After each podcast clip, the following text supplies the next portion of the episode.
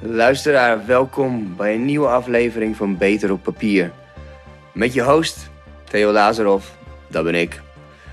En mijn tech-team, zonder wie dit niet mogelijk is. En dat uh, is sowieso Erik Immentoorn, Jasper Bosgraaf en Irie Weergang. Beter op Papier podcast is een samenwerking tussen het blad van de Hanse Hogeschool, Hansemag, hansemag.nl, shout-out. En datmag.nl, oftewel Dat Mag, het online magazine voor de creatieve ondernemer. Voordat ik mijn uh, gast van vandaag uh, ga aankondigen, wil ik nog een paar huishoudelijke mededelingen uh, met jullie sharen. Ten eerste, je luistert nu naar een opname, maar wat if you could see this live happening, the magic. En je kan je vragen stellen. Nou, vet toch? En dat kan, want het is elke woensdag 8 uur op dat mag, livestream, Facebook. Check ons, stel je vraag en dan kom je gegarandeerd door. Dan ten tweede, uh, voordat we dus de live uitzending beginnen, willen we onze enige master of the Wheels of Steel, DJ Irie, even aan het werk zetten. En daarvoor hebben we je hulp nodig, dus stuur ook eventjes als jij demo hebt of een vette track hebt gemaakt en je denkt van, ah, ik wil eigenlijk wel dat Irie hem even spint, even scratcht, even laten zien wat hij ermee kan. Nou, stuur het op naar uh, datmagazine.gmail.com. Zet erin tracks voor bij de podcast. En dan uh, wordt jouw track misschien gespint door de World DMC Champion, DJ Irie. En dan ten derde, we zijn elke dinsdag, mocht je dus de podcast de week ervoor live hebben gemist, nou, dan kun je een dinsdag even lekker rustig terugluisteren. Want dan komt hij op hansemag.nl en datmag.nl. En uh, ja, er zit een mooi artikeltje van mij bij met een samenvatting van het gesprek. Voor de rest staan we op de alle streaming services zoals Podbean, Soundcloud, Spotify en iTunes.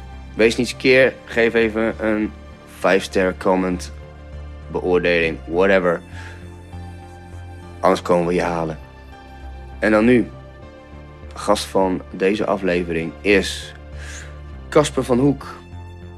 Kunstenaar, muzikant, maar bovenal bekend de afgelopen jaren als schrijver. Zijn stijl is kort, droog, direct.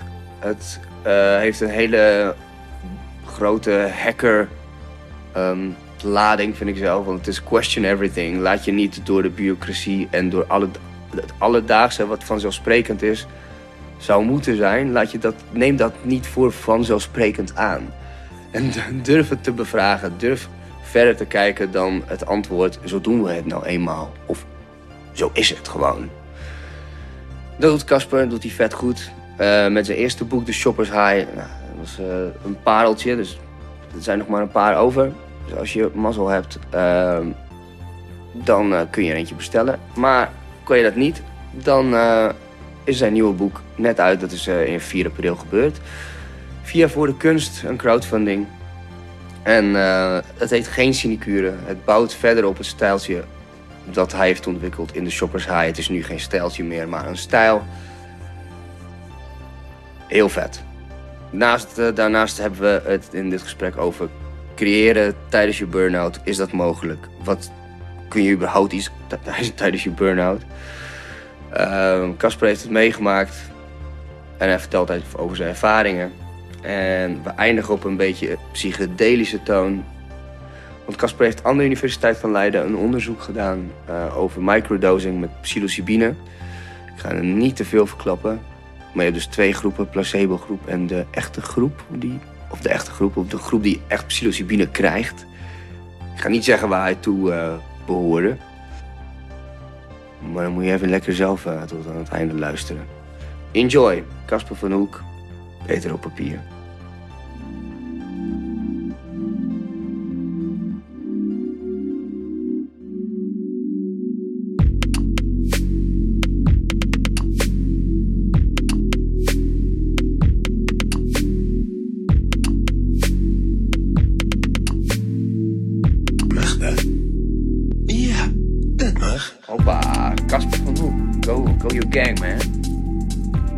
15 februari.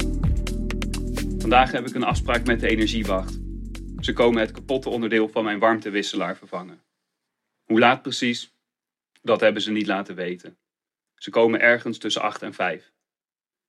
Ik heb een dag vrijgenomen en wacht vol spanning af. Ik lees een boek en wacht. Ik lap de ramen en wacht. Tegen vijven bel ik de energiewacht.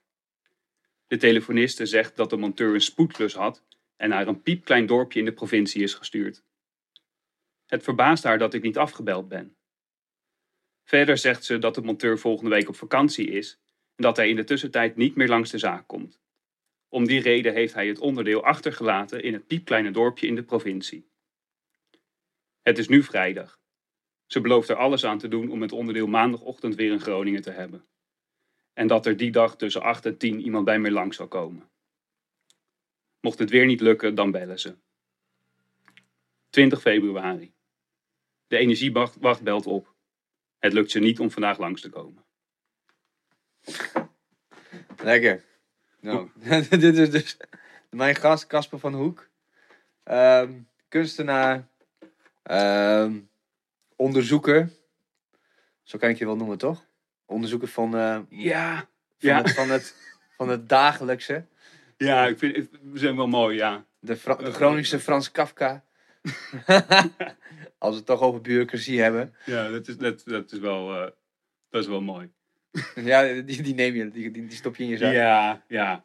Nou, grote naam moet je altijd ja tegen zeggen. Ja, vind ik ook. Mooi dat je er bent, man. Ja, dank je. Ja. Dit, eh, dit is, eh, ik, ik, heb, ik heb me echt op verheugd. Nou, ik, ik, dit, is, dit is de eerste keer dat ik in een podcast zit. En dit is denk ik wel misschien ook de eerste podcast die ik luister.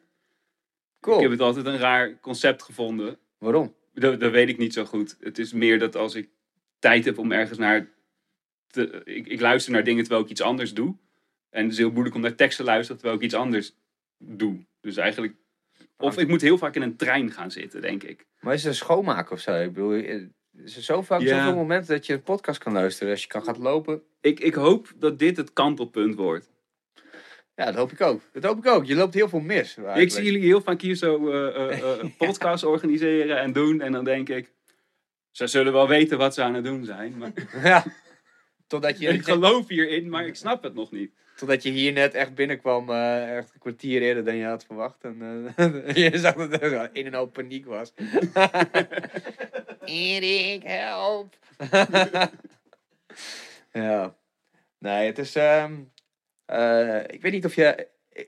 Ik, ik, denk dat het, dat iets is waarmee je bent opgevoed. En niet per se podcast, maar naar dingen luisteren, zeg maar, naar tekst.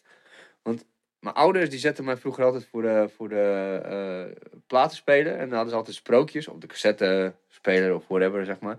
En dan hadden ze altijd sprookjes. En ik kon echt uren kon ik gewoon luisteren naar die sprookjes. Ik denk dat dat, dat soort van toen al getraind is om, om de dingen te luisteren. Luisterboeken vind ik ook echt te gek. Gewoon, dan kan ik gewoon wandelen en dan hoor ik lui gewoon eh, lullen. Ja, ik had vroeger ook cassettebandjes met sprookjes inderdaad. Dus dat... eh, eh, ik denk dat het er misschien dan wel in zit. Oké, ik ben heel benieuwd. Ik bedoel, heel, heel benieuwd. Je bedoel, dit is waarschijnlijk niet de laatste keer dat je hier Nee, bent. hè, Dus Je mag me dan over een maand eh, over horen over jullie vorige podcasts. Dan ga ik er gewoon, weet ik veel, twee luisteren en dan... Oh ja. Maar, die, maar dan... Oké. Oké, is goed. dan ga ik je over horen. Ik hoorde vandaag ook mensen... Ik hoorde vandaag ook iemand zeggen van, oh, ik, ik, ik luister altijd naar die podcast van jullie en dan, dan, dan strijk ik ondertussen. Ik denk van, ja, dat, dat, dat klinkt eigenlijk als een prima plan. Wie zei dat? I- Iemand, men. Oh, oh man. Oh zo. Ja. Ik ben dat... Ja, dat is wel echt een, perfect schoonmaken. Inderdaad, je kleren strijken of, eh, of de afwas doen. Of ja, dat hoort ook een beetje bij schoonmaken. Wandelen. Boodschappen doen niet, want dan moet je te veel nadenken wat je precies moet doen. Dan heb je te veel Ja, in- dat intern. in- Het is, gewoon, het is mooi wanneer je niet zoveel intern dialoog hebt. Nee, ik zit al vol met boodschappen doen. Ja. ja, precies. Tada, bruggetje. Ja. je hebt een nieuw boek uit. Show, laat maar even aan de mensen thuis zien. Geen Dit zin is, eh, dit is het eh, grote broertje van, eh, van de, deze. van de vorige. de Shoppers High. Van de Shoppers High. De eerste, geen sinecure. Komt volgende week uit. Even... Hij ziet er echt super, super nice en shiny ziet, uit. er heeft een, heeft, eh, een glanslaminaat. Ja? Ik toen ik het voor het eerst zag. Ik, bedoel, ik, had, ik heb er bewust voor gekozen, maar toen dacht ik wel van, oh, dat is wel much. Maar het is wel echt goed. Het is gewoon een echt boek.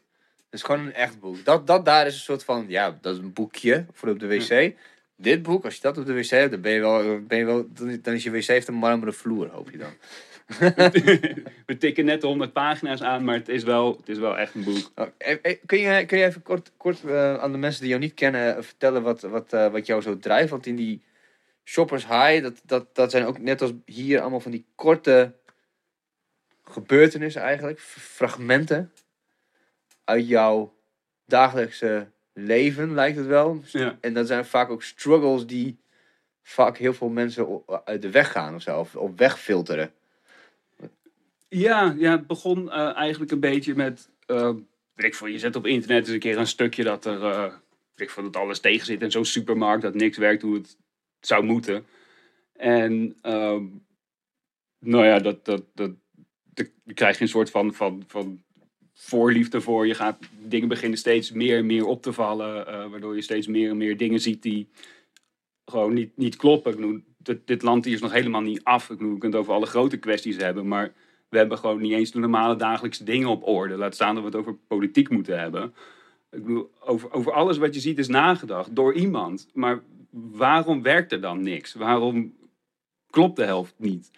En na een tijdje bouw je gewoon zo'n hele verzameling aan kleine verhalen op. En, en mijn vorige bundel was dan eigenlijk meer gewoon, nou ja, een bundel. Echt gewoon een verzameling van zulke soort verhalen. Maar ik heb nu wel het idee dat het eh, na een tijdje, als je veel van die dingen schrijft en ehm, uiteindelijk gaat het gewoon over, over mij en waarom ik me druk maak over dat, dat dit allemaal niet af is en niet klopt. En ehm, eigenlijk is er gewoon een soort frustratie, is een tekortkoming van mij hierin. Eh, uiteindelijk is het, ehm,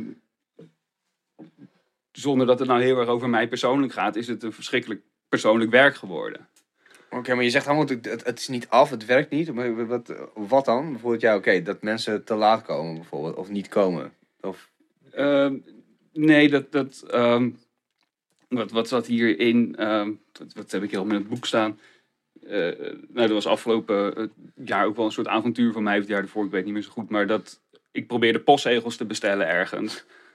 En die mensen gingen in één keer BTW rekenen op de verzendkosten. Ik denk dat dat hoort niet als ik alleen postzegels bestel. Dan is de zijn de verzendkosten ook zonder BTW. Nou ja, dat weet niet iedereen, dat is ook niet erg, want het is ook niemand zijn werk om dat te doen.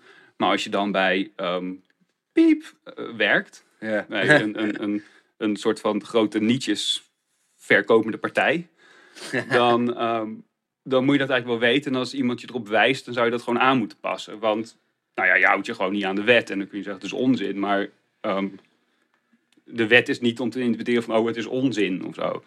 Eh, Pas dat even aan. Nou ja, Dat heeft heel Als- lang geduurd volgens mij. Ik heb het gevolgd op Facebook toen. het heeft eh, eh, eh, volgens mij meer dan 100 dagen geduurd. En uiteindelijk hebben ze het niet eens aangepast, maar weggehaald, toch? Ze hebben- je kan- ik, ik kan dit wel, eh, ehm, ik kan dit wel verklappen. Ja, ik kan dit wel verklappen, want het gaat meer om de reis dan om het resultaat. Ehm, uiteindelijk was ik bij de afdeling legal uitgekomen en nou, dat, dat duurde dan ook nog heel lang. Maar ze hadden er allemaal geen zin in. Er kwam een nieuw computersysteem. Ze konden het niet aanpassen. Ehm, volgens mij is het zo gebeurd. Ik heb IT'ers gevraagd en die zeiden van... nou ja, als ze een intern mannetje hebben... is dezelfde dag geregeld. Anders eh, moet je een week wachten tot ze tijd hebben. En is het ook die dag geregeld. Het wilde maar niet, het wilde maar niet. En uiteindelijk hebben we gezegd... nou ja, ehm, wij gaan het niet aanpassen. Maar ja, als jij zo graag wil dat we ons aan de wet houden... dan verkopen we gewoon geen postzegels meer. Ha! Die, die minder kosten dan, dan waarboven ze gratis verzenden. Ja. Dus gewoon alle velletjes van 10 postzegels, die waren gewoon een half jaar lang uit die webshop verdwenen. En, nu staan ze wel weer terug. Ze met zijn- BTW, toch? Weer. Ze- het- is, hetzelfde probleem is er eigenlijk weer. Ik heb ze een paar keer gemaild. Eh, volgens mij zijn, Oh, je bent echt zo naar. volgens mij zijn ze het een beetje zat. Ja, maar doe dan gewoon je werk. Ik bedoel, ik, ik- Maar, maar hoe denk... Oké, laat, laat ik het zo zeggen. Ik heb zelf wel in, een- in, een- in een klantenservice gewerkt. Klantencentrum. Ehm en dan bellen mensen zoals jij, zeg maar.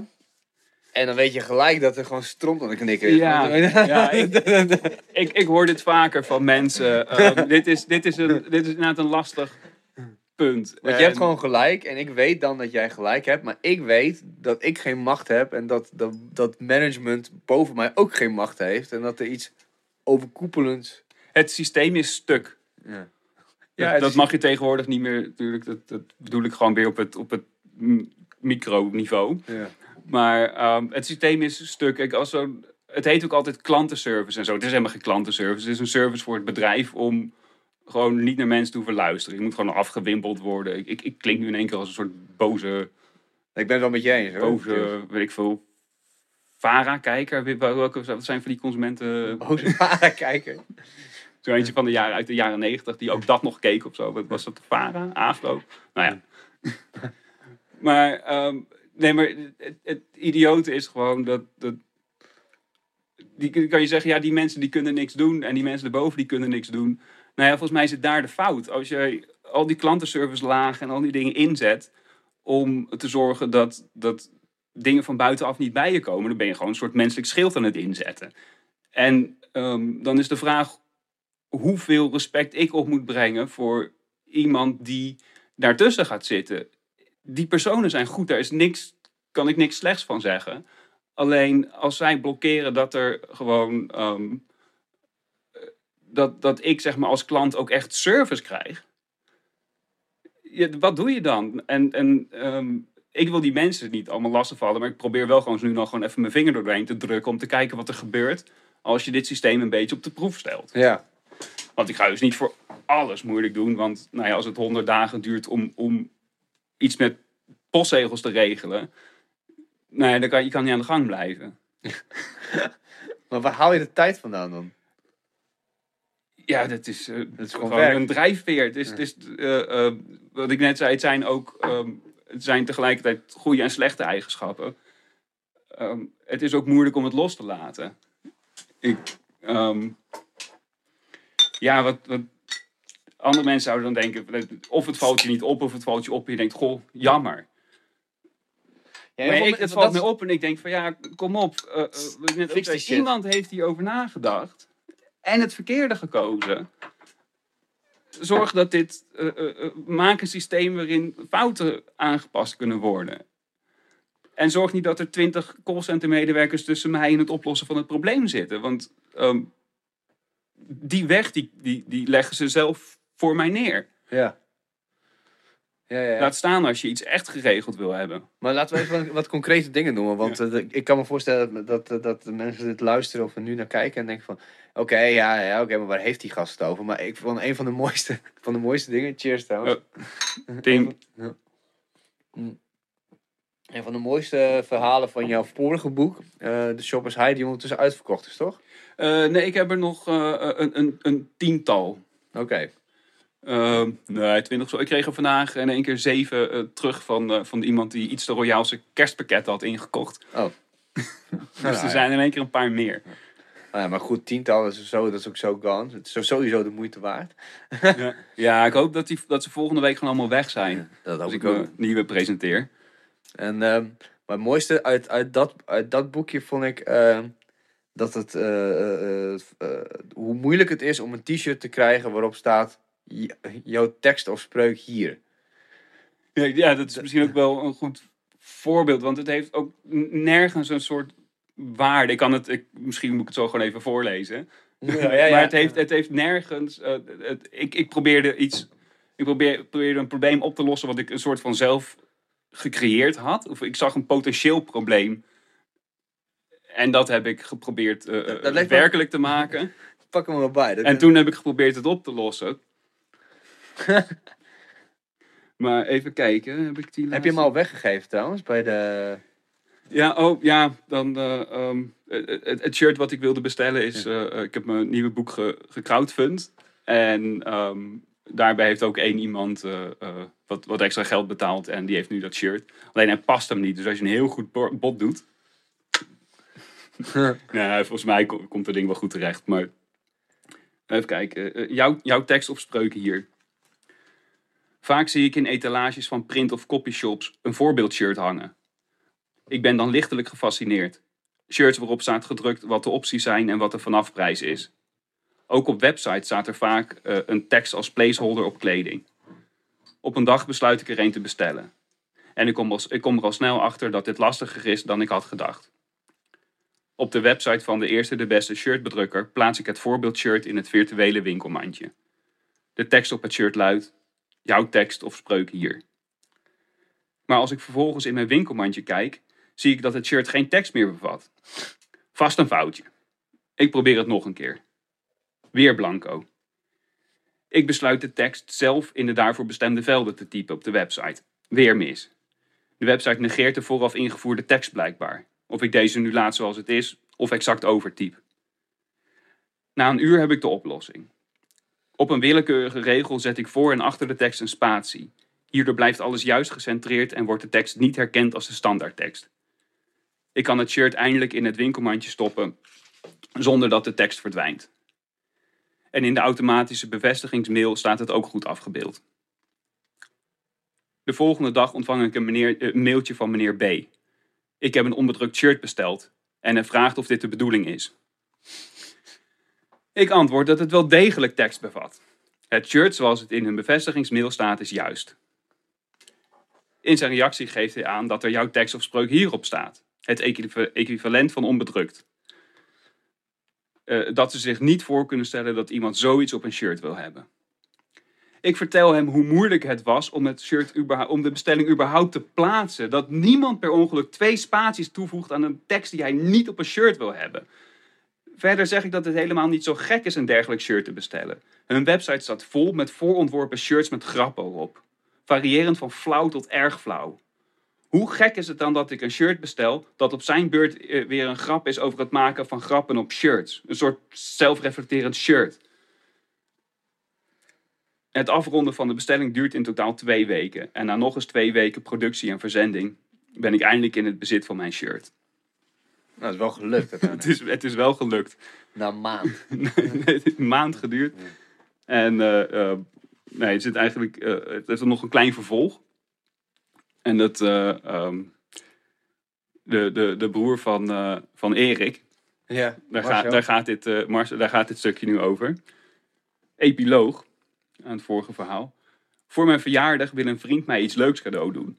In een winkel heeft hij een mooi voorbeeldshirt gezien. Ze hadden alles uit de kast gehaald om dit shirt als proeven van hun kunnen te etaleren. Er stond een tekst op in verschillende kleuren en lettertypen. Sommige woorden waren vet gedrukt, andere Italisch. Als hij vraagt hoeveel het shirt kost, ontstaat er enige consternatie. Er wordt navraag gedaan bij de bedrijfsleider. Na lang wikken en wegen, waarom zou je dat in godsnaam willen? Ja, dat mag misschien wel. En nee, maar dat kan niet, is zijn antwoord uiteindelijk nee. Ten eerste hebben ze dan niets uh, om in de etalage te hangen. En ten tweede, hiermee het eerste argument buitenspel zettend, is het shirt simpelweg niet te koop. Zo. Dus gewoon computer says no. ja, maar dan, bij zulke soort dingen dan... Um, je ziet zo'n shirt, je, op een of andere manier dat je zegt, ja, onderzoeker. Ik, dat is natuurlijk een, een, een, term die misschien veel meer omvat dan, als wat ik, dan wat ik doe. Maar um, ja, het is toch dat je je dan afvraagt, hoe, hoe zou dit gaan als ik dit doe? En hier gaat vast iets mis. En wat zou dat zijn? Want, want uh, bij dingen die goed gaan, gebeurt er nooit iets, iets waar je je over kan verbazen. Maar hier betreed je een soort terrein waar, waar de gekste dingen gebeuren. Dat, dat de, de, de nietjesverkoper stopt met postzegels, velletjes van tien postzegels verkopen op de website. Dat is nou, volgens mij een van de best verkochte producten daar. Um, hier was ik helemaal niet mee bezig. Ik was niet achteraan, dit was niet mijn doel. maar dit, dit gebeurde en dat is, dat is prachtig. Dat, dat verzin je niet. ik heb trouwens een, een, eh, een, mooi nieuwtje voor je. Ik hoorde dat laatst, dat je volgens mij... Ik weet niet precies waar, ik heb het zelf nog niet gedaan. Maar een vriendin van mij, die zei dat je dus... Uh, of bij PostNL... Of in ieder geval via internet kun je een code aanvragen. Dus daar betaal je ook gewoon voor. En als je die code dan op je brief schrijft, dan is het hetzelfde als een postzegel. Ja, gewoon, volgens mij gewoon een serie cijfers of zo was het toch? Dat, ja. Uh, um, ja, ik ben heel benieuwd. Ja, het schijnt te werken. Ja? Ja, zij zei. Oh ja, zij, zij was hier ook in de, in de een paar weken geleden. Maya Garata Gamboa van ja. uh, B-Bricks. Ja, die, die heeft het gedaan. Die ah. zegt dat, dat, uh, dat het werkt. Shout ja, dan moet ik ook maar kijken. Dan, uh, misschien moet ik kijken hoe lelijk je mag schrijven. Oh ja, beter. Oeh. ah ja. Maar ik vind het eh, geen sinecure. Ik moest, eh, ik moest eventjes ehm, zoeken wat het betekent. Sinecure is iets kleins, volgens mij. Er zijn heel veel ehm Ja, betekenissen heeft sinecure, maar volgens mij, wat, wat, wat, wat staat, het is niet niets. Doe je dat? nee, nou, meer. ehm, ja, het, mooie hiervan vind ik eigenlijk dat het alleen maar in, de, in een ontkenning wordt gebruikt. Ehm, ik kwam er eigenlijk bij dat ik ooit ergens een, een heel kort verhaal had geschreven. En dat was: ehm, wat is eigenlijk wel een sinecure? Omdat ik mijn hele leven lang iedereen wil zeggen: ja, dat is geen sinecure, dat is geen sinecure. En ehm, nou, na een tijdje weet je wel wat het betekent. Maar als kind hoor je dat steeds. En iets is altijd iets wat je niet eens kent. En waarom zou je het nou benoemen of? Je gaat je als kind alles erbij bij afvragen. Maar eh, eigenlijk sinecure zijn ook vooral van die, van die pretbaantjes waarbij je gewoon ik veel, betaald krijgt en eigenlijk niks hoeft te doen. Eh, eh, van, die, van, die, van die leuke snabbels of zo. Of nou ja, snabbels zijn misschien eenmalige baantjes. Maar ik, eigenlijk gewoon van die pretbaantjes. En ik denk van ja, ik moet de hele tijd maar keihard mijn best doen om, om al die, die imperfecties die, die, waar niemand wat aan doet, Ja. om me daarover op te winden. Dat heb Stukjes over te schrijven, te bellen met online, eh, eh, te bellen met Telfort, eh, boos te worden op de nietjesverkopers. Ehm, het, is, het is geen pretje. Pro- probeer er dan heel grappig over te doen, maar Het is wel serious business. het, is, eh, het resultaat is, is, is humoristisch en ik, ik zie er ook wel de, de lol van in terwijl ik het aan het doen ben. maar het is wel gewoon hard werk. Ja. Je, moet- eh, eh, dat vraag ik me dus af, want ik, eh, heel veel dingen die je hebt benoemd, wat ik ook al eerder zei, mensen filteren dat weg. En ik, ik vond het wel mooi dat een van mijn redacteurs, eh, Floor, die zei van, toen ze de Shoppers High had gelezen, zei ze van, het is zo mooi, want het zijn allemaal dingen waar je dus niet op let. Dat, veel, dat, dat, dat, je herkent het gelijk als hij het zegt, Ja. maar ondertussen dan ben je er zelf niet mee bezig. En dan kies je er heel bewust voor om daar niet mee bezig te zijn, want ja, wat kun je eraan doen? Ja, nee, En dat is bijzonder, dat je, dat je gewoon een, een, een ja of een nee voor waar aanneemt. En dan niet vraagt, waarom dan niet? Nee, het, het, het loont eigenlijk de moeite niet. En ik denk dat mensen het daarom niet doen. En daarom moet je volgens mij ook wel train je jezelf wel om je hier niet over op te winden. Want, ehm, nou ja, ja, het loont de moeite niet. Hoe, hoeveel werk moet je doen voordat er iets wordt? Want, maar je bent er ooit, mee- ooit mee begonnen, zo van dat je uit frustratie dat op een humoristische manier op, het, op, eh, op Facebook zette. Ja, ja, en er is Dus het, dat het was is niet van altijd... tevoren, het was niet van tevoren bedacht van ik ga, ik ga hier een boek van maken of zo. Nee, nee, dat is eigenlijk pas veel later gekomen. Ehm, eigenlijk eerst waren het gewoon korte berichtjes en dan was het een soort combinatie tussen humor en ergernis. Maar ja, het moet je blijkbaar ook van het hart. En ehm, langzaam uitgegroeid naar korte verhalen. Dat ik recensies ging schrijven van, van supermarktbezoek. Dus ik heb eigenlijk een hele serie ehm, dus supermarktbezoeken. eh nou ja, wat er dan allemaal kan gebeuren. En dat, dat na een tijdje... eh, ehm, nou, ik weet niet precies waar ik heen wil hiermee, maar... Wat was de vraag? Op, wat, hoe, je, hoe, je die, hoe je dat boek... eh, Ja. Dat je, niet, dat je niet van tevoren dacht van, ik ga hier een boek over schrijven. Dat is meer zo van, je, je hebt een paar dingen gepost en dan dacht je van, hey, hier zit misschien wel wat in. Ja, ja dat, dat, dat is langzaam zo'n beetje uitgegroeid. Dus inderdaad naar, naar kortere stukjes van over naar de supermarkt gaan. Of ehm, beoordelingen schrijven over hoe mensen hun ka- eh, kaas in de koelkast bewaren. Want dat doen ze ook nooit goed. Oh ja, hoe moet je je kaas dan bewaren? Nou ja, eh, ehm, afgesloten van de lucht. Dus eigenlijk het enige. Maar dat is blijkbaar al heel moeilijk. Ja, je moet zo'n kaasdoos hebben eigenlijk, toch? Eh, nou, dat, dat kan, maar op het moment dat je kaas kleiner wordt en, en ehm, de inhoud van, van de kaasdoos maar voor 10% uit kaas bestaat en 90% uit lucht, moet je wel afvragen of je niet gewoon dat stuk ook in de koelkast had kunnen leggen. Ja. Er- ergens, ergens. Maar eh, toen uiteindelijk kwam iemand naar me toe en die zei van ja, Casper, ik wilde heel graag je boek aan iemand cadeau doen, maar je hebt geen boek. Oeh. En ehm, ik heb dat, eh, die subtiele hin- hint heb ik opgevat. Opgevangen. En hoeveel moeite is het dan om, om zo'n boek te maken? Want je, je zou denken van, oh ja, maar je hebt die dingetjes al van, eh, van je Facebook berichten al. En je hebt eh, dat, die, die korte to the point blogjes. Ja. ja, ik had nooit eerder een boek gemaakt. Ik heb wel wat, wat tijdschriften gemaakt met mensen. En, en, maar voor het eerst ga je zoiets serieus doen. En het eerste idee is een uitgeverij valt af. Ten eerste, eh, ehm, ik heb het idee nu, ik had het idee toen in mijn hoofd van nou, dit is wat ik wil maken. En ik heb geen zin dat iemand zich er nou weer mee gaat bemoeien. Dat het weer anders moet. En ehm, ja, dan moet je ook nog een uitgeverij vinden. En dan moet je weer wachten tot ze ik veel er tijd voor hebben. Ik, ik had zoiets van, ik, ik kan dit in, in, in een bepaalde tijd doen. En dan is het af. En dan heb ik een boek. Ehm, ik doe eigenlijk toch altijd gewoon liever dingen zelf. Omdat ik het anders te veel gedoe vind. Ook al doe ik dan tien keer te veel Ja. zelf. Ja, ja, ja. Je leert er wel superveel van natuurlijk ook. Ja, ja, dus ik heb met, eh, eh, eh, met een goede vriendin heb ik eigenlijk die hele tekstredactie van het boek zo, gedaan en, en alles tien keer herschreven en korter gemaakt. En ik denk dat het toch wel een half jaar werk heeft gekost om dat, om dat af te maken uiteindelijk. Wat, gra- wat grappig, want ik, ik, ik snap dit helemaal, zeg maar. Ik, ik bedoel, wij als schrijvers, dat mag ik zeggen toch?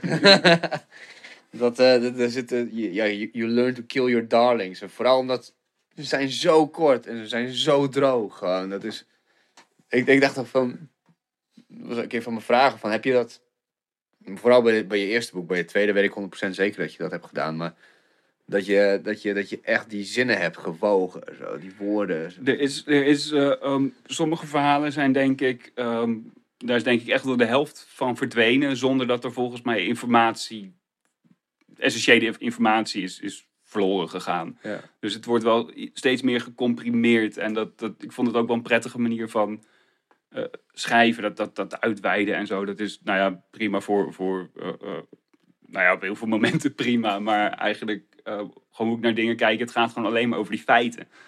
En, ehm, en in dat nieuwe boek is het... Op sommige momenten is het gewoon echt nog korter geworden. Ik heb nu denk ik iets van 40 superkorte verhalen. Van één of twee regels. Die volgens mij ook wel eenzelfde soort... eh, eh, die een beetje in hetzelfde genre passen bij, bij een lezer. Dat je ook denkt van... Oh ja, dat ken ik wel, maar ik let daar nooit op. Ja. Dus ik, ik weet niet of het nog korter kan. Mand. Ja, dat is ook één woord. Extreme. Ken, ken je dat van eh, eh, die, eh, hoe heet die gast nou? Van eh Rembo en Rembo. Maxime, ja. Maxime Verhagen. Nee, niet Verhagen. Nee, Maxime. eh, Die, eh, ja, ja, van Rembo en ja, Rembo. ja, nee, maar gewoon Man, die, die, Korter, korter. Dat hij zo bij zo'n bij zo'n man staat en die heeft dan een mand vast of zo. En dan zegt hij, wat is dit? En dan gaat iemand, dit is eh, een, een, een, van riet eh, gemaakt traditioneel. eh, Korter. Ja, korter. Ja, het is eh 18e eeuws korter. En dan op het einde is het ja. Dat is wel. Ja, laten, laten we volgende keer even iets samen doen. Even iets, iets bedenken. Gewoon of we onze steltjes kunnen kruisen. Want ik ben juist wel weer van sfeer of zo. Kan vast wel een keer ietsje... Ik kan Ja. vast wel een soort van hybrid. Het hoeft niet per se gelijk vet uit te geven. We kunnen gewoon wat experimenteren. Ja, ik vind het wel. eh, ehm, even kijken. eh, ik, ik, had, ik had. Kijken of ik nou nog wat ideeën had liggen die bij mij nooit pasten of zo. Maar misschien weet je ook wel wat. Ik, Ja. ik ben wel voor. Ik, ben, ik, ik, ik, ik heb altijd dat ik dan. Dat, ik irriteer mij aan mensen die onbeleefd zijn op een bepaalde manier. Ehm, en, dan, en dan is het meer zo van dat ik me irriteer dat ik dus niet zo onbeleefd kan zijn. Snap je? Ja, je bent jaloers. Ja, dat is wel het juiste woord. Maar dat iemand bijvoorbeeld, dan heb je, nou, ik, ik, ik, ik noem maar eens, je hebt meerdere malen bijvoorbeeld koffie betaald of zo. Ja. Dat je afspreekt. En dan die persoon die neemt het voor het meest normale van de wereld aan dat dat gewoon gebeurt. Maar op het moment dat je niks zegt, zeg maar, dan wordt het gesplit. Daar kan ik dus niet tegen. Ja, het is. Of- ik, ik- Ja, nou, dat, dat, dat, dat, is, dat, is, dat is één voorbeeld. Maar gewoon, of, of dat iemand gewoon zomaar kan voordringen zonder dat het hem een reet kan schelen. En dan kan ik op een of andere manier niet zeggen van, hé, hey, godverdomme. maar dat zeg ik wel van binnen, maar het ja. komt er gewoon niet uit. Weet je, het is gewoon alsof, alsof ik te, te beleefd opgevoed ben. Zo van, nou ja, laat hem maar, het is his loss dat hij zo zo onbeleefd is. Ja, ik, ik ben wel altijd van de. Van de eh, ehm, eh, eh, vanmiddag was ik, liep ik ergens. En eh, er rijdt een vrouw de stoep op en die parkeert zo. Die, die rijdt gewoon echt binnen een meter voor mij langs en parkeert gewoon waar ik twee stappen verder zou zijn, haar fiets voor de bakker. Ja. Ik ben dan meer van het gebaar dat ik zo mijn armen een beetje uit elkaar doe en dat ik zo, zo naar boven kijk van waarom gebeurt dit? En dan pro- probeer ik dat heel theatraal te doen. Dan hoop ik dat iemand het ziet en dan, dan zij hoeft het niet eens te zien, maar dan iemand anders die dan denkt van ah, ja, Inderdaad. stom. En heb je wel eens dat, dat je iemand hebt aangesproken en dat die dan echt zo reageert alsof jij, de, alsof jij gek bent? Zo, van, terwijl ze zelf iets vet asociaals doen? Nou, dat heb je wel als je mensen in de stiltecoupé bijvoorbeeld ehm, zegt dat ze geluid maken. Ja. Ik, ik, ik zat daar laatst een keer en nou ja, het was ook heel druk. eh, en ehm, nou ja, er waren allemaal mensen aan het praten en die hadden ook een kind. En nou, ik denk van laat maar, ik probeer gewoon zo goed mogelijk mezelf af te sluiten en ik lees een boek. Maar na een tijdje gaat er een opa met dat kind praten en dat, dat kind zegt dan, oh kijk, het is een stiltecoupé. En dan zegt die man, ja, maar dat vinden ze allemaal niet erg. En toen dacht ik, volgens mij ben je nu een slecht kind aan het maken. Ja, ja, ja. Dat kind heeft betere manieren dan jij. En jij zegt, ja, daar moet je, daar moet je niet op letten. Dus dan zeg ik van, ja, kom op. Het is, ik heb hier ook gewoon last van.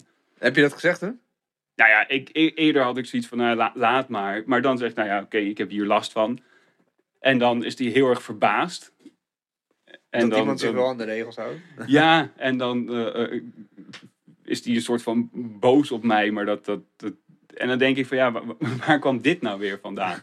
Maar ik, ik zit me eerst op te vreten. Ik, ik erger mij, dat zijn mijn emoties, hou ik binnen. Maar dan moet je het tegen iemand anders gaan zeggen. Dan, het adrenaline-niveau dat stijgt ook enorm Ja, hoog. ja, Want ik vind het helemaal niet prettig. Ik wil helemaal geen mensen aanspreken. Ik, ik, ik schrijf het thuis wel op en dan maak ik wel een boek. Ik heb hier een methode voor.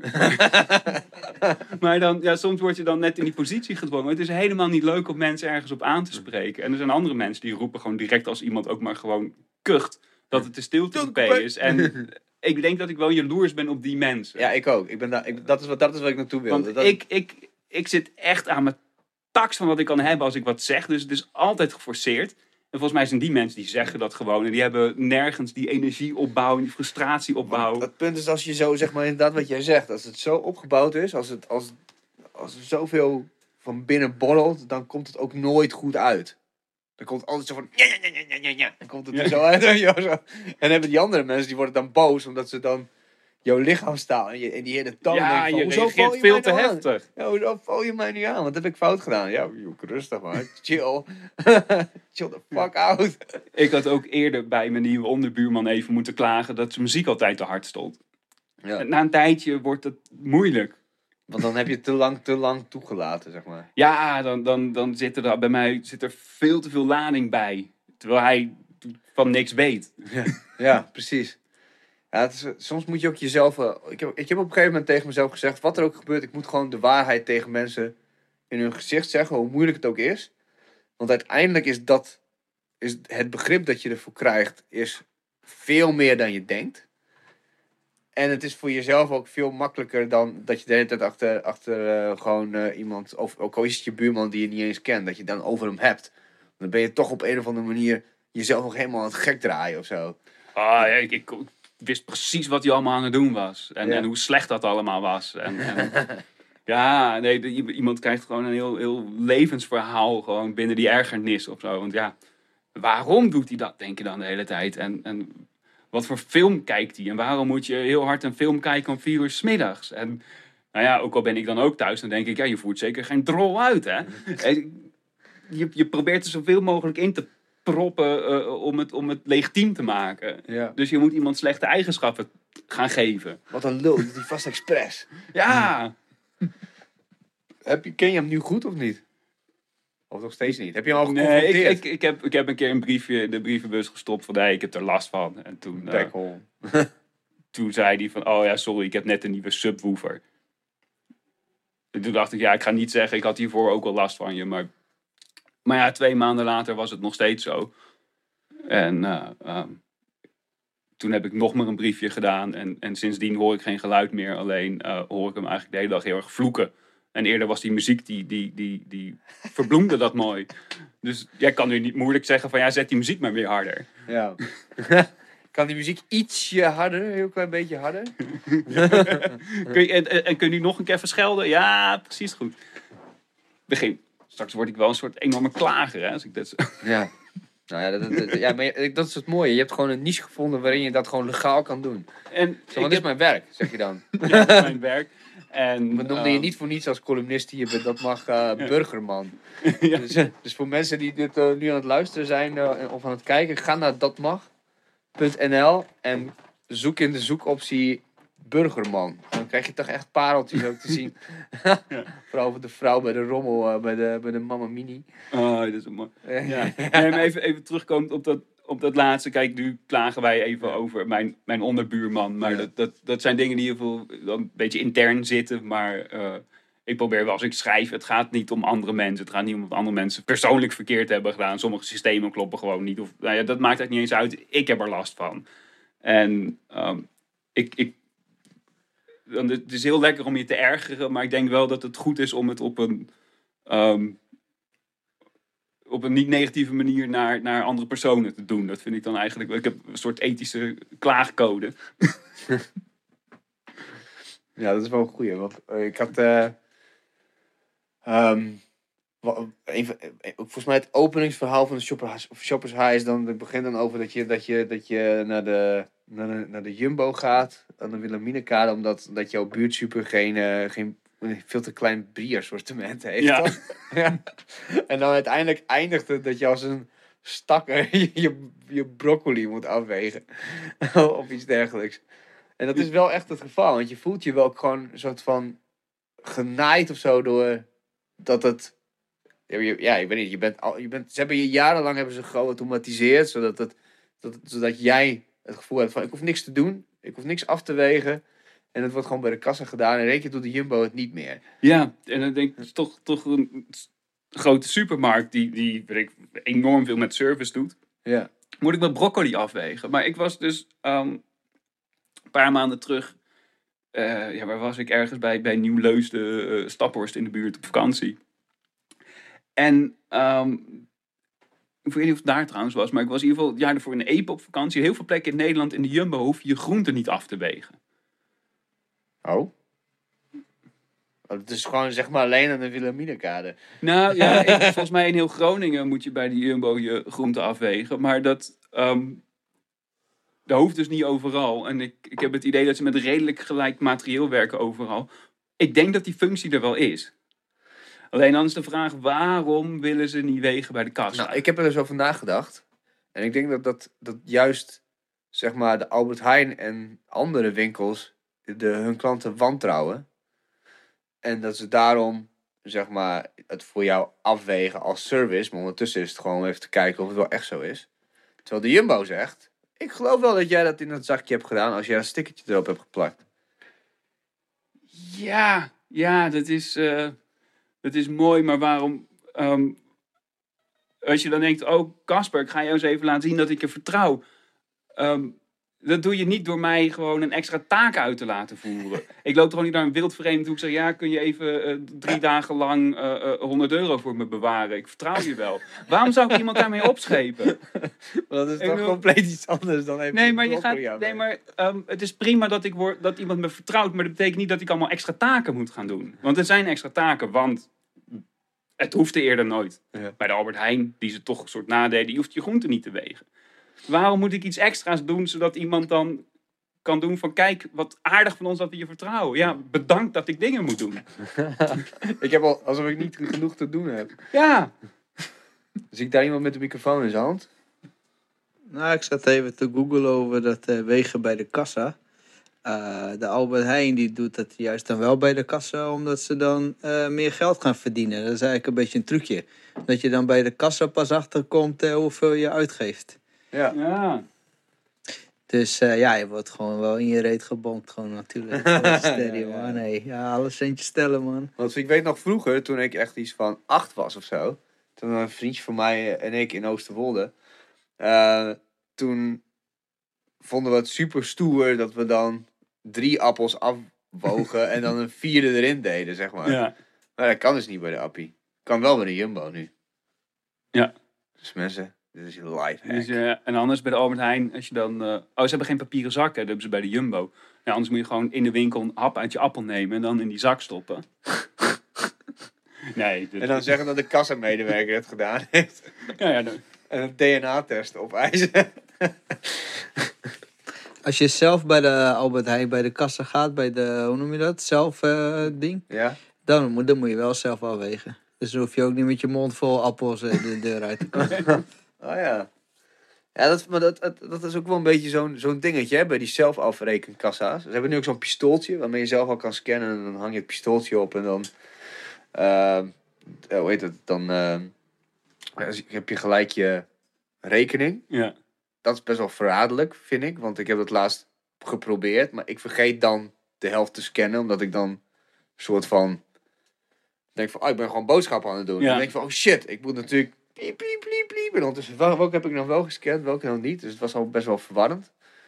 Eh, maar goed, dat, dat is gewoon mijn persoonlijke ding natuurlijk. Maar ehm, wat je, ik ben mijn eh, bonuskaart dus een tijdje geleden kwijtgeraakt. Omdat soms ja, na een tijdje dan breekt die zeg maar bij, de, bij je sleutel hangen. Ja. Dat vind ik één groot, een van de grootste irritaties bij dat soort dingen. Dat die dan afbreekt bij je, als je, iets om je sleutelhanger Ja. hebt. Maar goed, normaal gesproken heb- je bij de kassa bij de appie kun je zeggen, mag ik jouw bonuskaart gebruiken van de cashier? Ja. En die doet dat dan. Maar dat kan je dus niet bij die zelfafrekenkassa doen, want die heeft natuurlijk geen bonuskaart. Niet zo eentje aan zo'n aan zo'n eh, eh, eh, zo'n touwtje met van die, van die witte bolletjes waar het oude zou- postkantoor altijd je pen aan zat. Ja, en zo. ja, dat, was, dat zou hele goede zijn, maar dat, dat hebben ze dus niet. En dat, dat is één nadeel. En het tweede nadeel is, vind ik persoonlijk, is dat... Oké, je mag zelf dus afrekenen. Maar ik heb het echt meerdere malen gehad. En ik denk, dit is absoluut niet iets waarvan ik denk dat het racisme is of discriminatie of whatever. Maar dan komt er toch nog iemand even checken of het wel klopt. Ja. en dan de, proeft, maar als je dan denkt van ja, ik ben bovengemiddeld vaak de lul of zo. Ja, dat- nee, nee, nee, helemaal niet. Maar het is gewoon meer een paar keer voorgekomen. Ik dacht van ja, maar ja, waarom heb je dan die zelfkassa, zeg maar? Om, als je toch gaat checken of het klopt. Ja. Ja, nou goed, dat is dat. Is eventjes een rantje over de. Ja.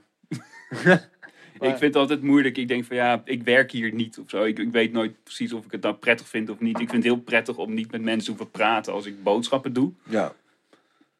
Maar dan denk ik weer van ja, dan heb ik wel allemaal dingen en die hebben geen streepjescode. En dan, eh, Ja, dan moet je dan dan moet ik- gaan wat doe ik met een croissant en zo. Dan heb ik, ik heb hier geen zin in. Vanochtend was wel heel mooi. Ik kwam bij de gym en toen eh, ging ik even wat, eh, wat kleine boodschapjes doen. Het was een man in zo'n motorpak. Die liet mij ten eerste voor. Dat vond ik al heel netjes. Dus omdat hij zag dat... eh, ja, volgens mij is het was een hele lange rij. En, en toen ging er een andere kassa open. En hij kwam net aanlopen. Het was mag de eerstvolgende. Toen keek hij mij aan en zei hij, doe maar. Dus ik van, oh, netjes. Ik dacht oké. Toen was dat klaar. Het was zo'n oudere vrouw. Die was, dat, dat, dat was de cashier. En die, die gast die had allemaal croissantjes in zijn zak. En eh, die vrouw die, die keek echt gewoon zo en die tikte het gewoon in. En die, de- en die man was echt helemaal van- zo van... U ziet gewoon in één oogopslag dat het er vijf zijn? ja hoor. Die vrouw zo, ja. Wauw. die was echt, echt zo impressed, jongen. dat was echt super mooi. maar ja, het is gewoon een skill. Ja. Ja, wat je zegt, van je werkt daar niet inderdaad. Nee, dan moet je dus extra, extra hard werken om het, om het gewoon goed te doen. Ah ja. Hoe ben je ooit, eh, nou daar hadden we het al over, maar je, ik, eh, toen jij hier net binnenkwam, toen zat ik ook al van tevoren te denken, hoe kennen wij elkaar eigenlijk? En ik, ik weet het nu, hoe we elkaar kennen. Ja? Ik heb ooit eh, het management gedaan van, eh van Rossum Elektrowerken. Ja. En toen had jij allemaal installaties gemaakt hier in de buurt ergens met geluid. Vooral Ja, snaarinstrumenten en geluid. En ik kon het echt vet vervormen. Ja, MP3, eh, die zaten toen eh, eh, aan de, is dat op het Siboga-terrein. Ja. En ja, ik had inderdaad een installatie gemaakt. Ik kwam in één keer een vi- video van mijn werk tegen. Ja. En die bleek jij uiteindelijk gemaakt te hebben. ja, dat klopt. En ik had het dus op, op Van Rossum Elektrowerken op hun socials gepost. Ja.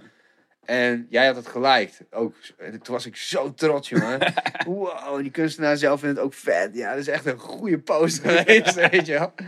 Dus daar was ik altijd zo van, wow, vet impressed. En toen, eh, daarna kwam ik je wat vaker tegen hier eh, beneden in Simplon.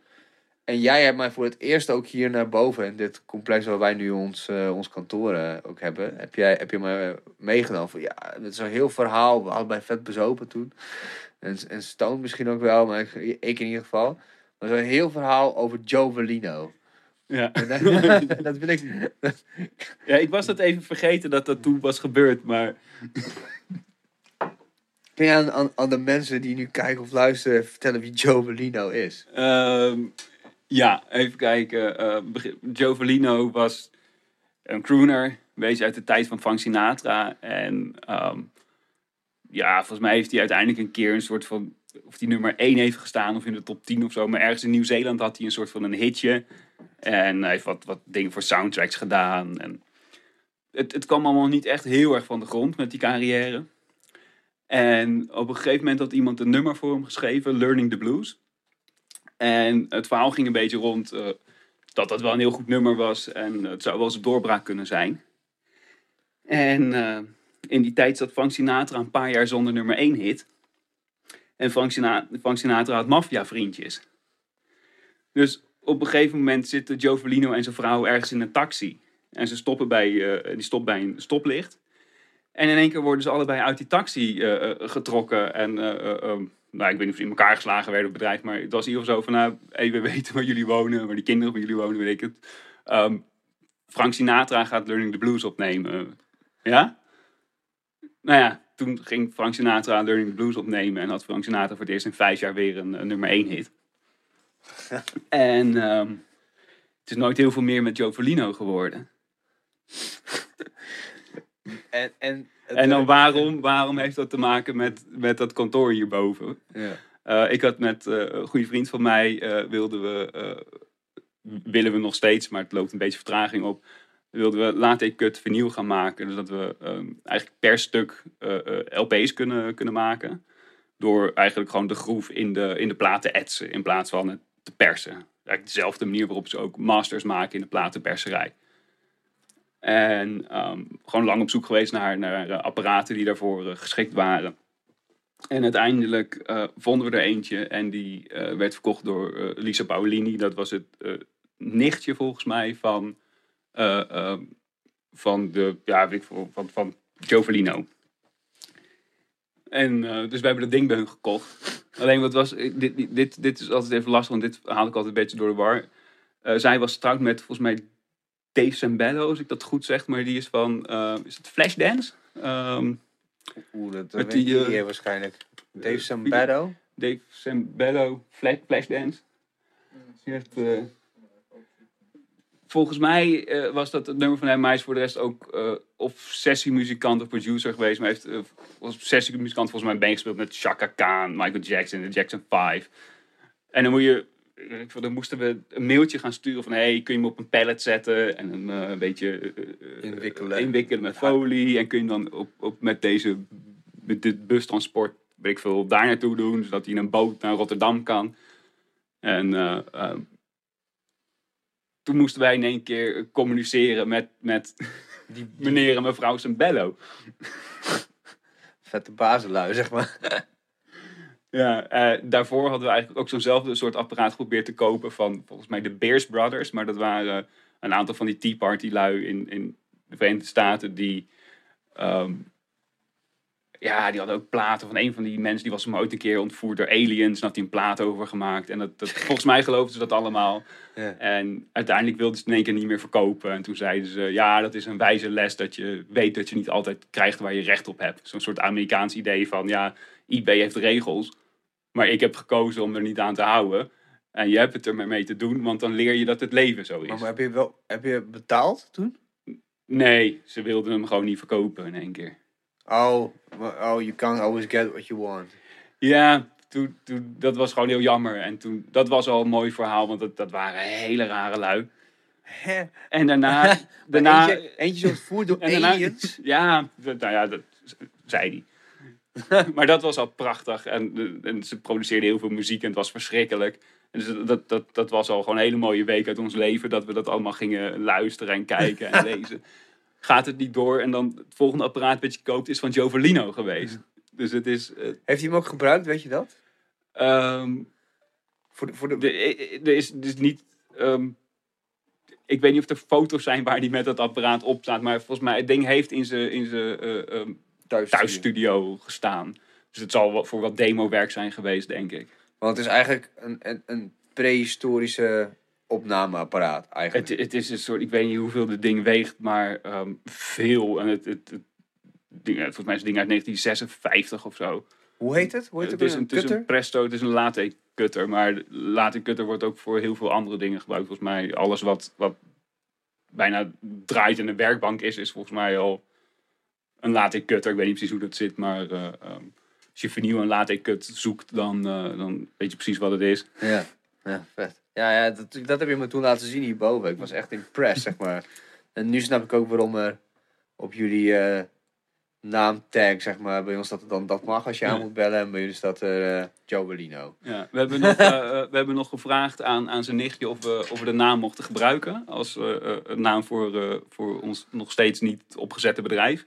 En dat vond ze goed. Oh, wat tof. Dat was heel tof. Ja, we hebben ook nog een soort jaren 50 persfoto eh, van hem. dus ik ben heel erg fan en ik heb gewoon nu een reden om Frank Sinatra vervelend te vinden. En dat, dat, dat doet me wel goed. Pas op bij je werk. Als schrijver. Ik had een keer een, een eh, enorme Frank Sinatra fan op bezoek op kantoor. En die zei van, een mooi apparaat. Ik zei, ja, die is van Joe Verlino geweest. En die wist meteen wie Joe Verlino was. Oh ja? Ja. Maar hij deelde toch mijn afkeer van Frank Sinatra niet. Dat is, eh, ja? Heb je niet gedaan? Heb je niet gezegd van Frank Sinatra? Ja, hij, hij kende het verhaal, maar hij wa- hij was Frank Sinatra fan. Ja. Dus ja, dat, is net als met Michael Jackson nu, hè? Dat, eh, dat, eh, dat mensen ook zeggen van... ja, ik hoef het nu niet meer te horen, hoor. ja, nee, dat, dat, dat zouden we kunnen doen met, met Frank Sinatra op basis van, van dit verhaal. Maar ik denk niet dat het gaat lukken. Nee, precies. Maar er zijn wel vaak, vast wel meer mensen raped bij Sinatra door zijn vriendjes. Ja, dat geloof ik wel. Ik denk niet dat, dat Joe Verlino nou echt vooraan de rij eh, zou moeten staan. Nee.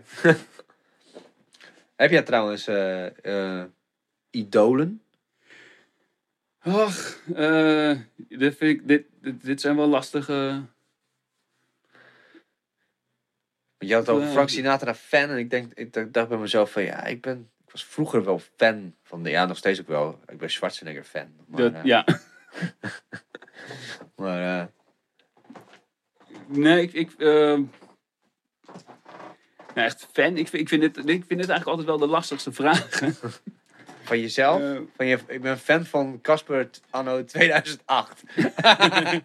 ja, ik, heb, ik, ik zei ook laatst tegen ja, ik heb, ik heb dit boek geschreven omdat het er niet was. Dus ik, ik, ik ben wel enigszins fan van wat ik doe misschien. Nee, maar dat, eh, eh, er zijn wel volgens mij mensen waar ik gewoon bepaalde perioden lang gewoon heel veel bewondering voor heb. Waar ik dan veel over van wil lezen als het schrijvers zijn of, of muziek luister. Maar ehm, ja, ik weet, fan is een raar soort woord, denk ik. Ja, ja, ja. Het, het, het is iets, iets waar je over kan verdiepen. Want sommige, is het dan... Maar soms ben ik wel jaloers op, op iets wat iemand heeft gedaan. En ik denk dat. eh, ik weet niet of ik zo direct voorbeelden heb, maar dat. Ik was bijvoorbeeld, eh, ik ben nooit christelijk opgevoed, maar ik ben wel bijvoorbeeld door eh, mijn ouders die uit een anti-christelijk land kwamen, het communistisch land natuurlijk, op een christelijke basisschool gezet. En ik weet nog wel dat ik echt, ik ken die verhalen van voor en achter. En ik ben ook echt een tijdje ook diep christelijk geweest als kind, zeg maar, Ja. op zo'n kinderlijke manier van ja, en God en bidden en alles, weet je wel. En nu, het is echt langzaam is het een soort van een switch gemaakt van ja, maar waar geloof je dan echt in? Nou, in mezelf, op zich. Ja. Dus ja, en als, als we het toch moeten hebben over, over de Bijbel of zo, het is toch wel door mensen geschreven. Weet je, dus op een gegeven moment dan dat, dat fan zijn van God en van religie. Als ik er nu op terug ga, Ja. denk ik van ja, nee, dat mensen daar nog intrappen, zeg maar.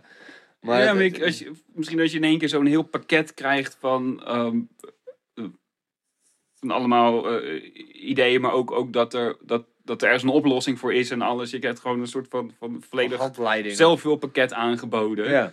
ehm, wat je eerst helemaal niet had. Eh, eh, voor mij is dat best aantrekkelijk.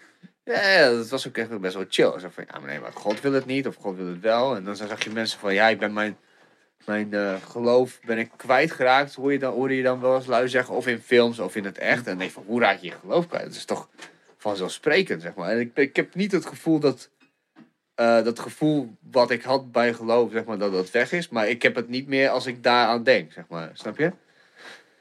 Dus dat is, Ja. dat, ik denk dat dat ook een bepaald, dat gevoel van bepaalde, nou, dus dat fan zijn, dat, dat, die warmte, die heb ik nog wel. Maar dat is niet meer voor, voor een, een, een, een, meer zo van, ja, de, ja, het leven, de energie, weet ik veel, het universum. Ik snap het niet, maar Ja. er is iets. Weet je, Ja. zoiets. En ik denk dat fans dat ook hebben. Van ja, want het is echt zo'n zo'n beeld ja, van je iemand. koppelt het wel gewoon eigenlijk bijna los van, van, Van het persoon. werk. Ja, als je het echt over die verering gaat hebben. Maar oh, nee, ik, in de tussentijd even. Ik, ik, er zijn wel ehm, mensen. Als ik dan ergens fan van. Nou, ik zou li- ja, eerder liever gewoon dat. Ik zou hebben, het zou mooi zijn geweest als het mijn opa was of zo. Ik, ik ben wel, denk ik, echt Rudy Kousbroek fan. En ehm, Wie, wie is dat eigenlijk? ja, hij, schreef eigenlijk heel veel eh, ehm, essays of, of eh, artikelen, volgens mij voor de krant of zo. Ik, ik lees nu alles gewoon gebundeld, maar ehm, heel veel verhalen. En dan, het ging eigenlijk gewoon over alles. Dus over, eh, nou ja, het kon over auto's, over eh, stand van, de, van de, eh, eh, wat er met seksualiteit allemaal was in de jaren zeventig. eh, heel veel over dieren. Maar bij alles is het, is het zo... ehm, hij heeft overal over nagedacht. De kritiek die hij heeft op dingen. ehm, het is. eh, ehm, ja, dit is een hele slechte uitleg die ik nu geef. Maar vertaal. Rudy Kousbroek. Rudy Kousbroek Met een R of met een L? met een R. Eh, Rudy.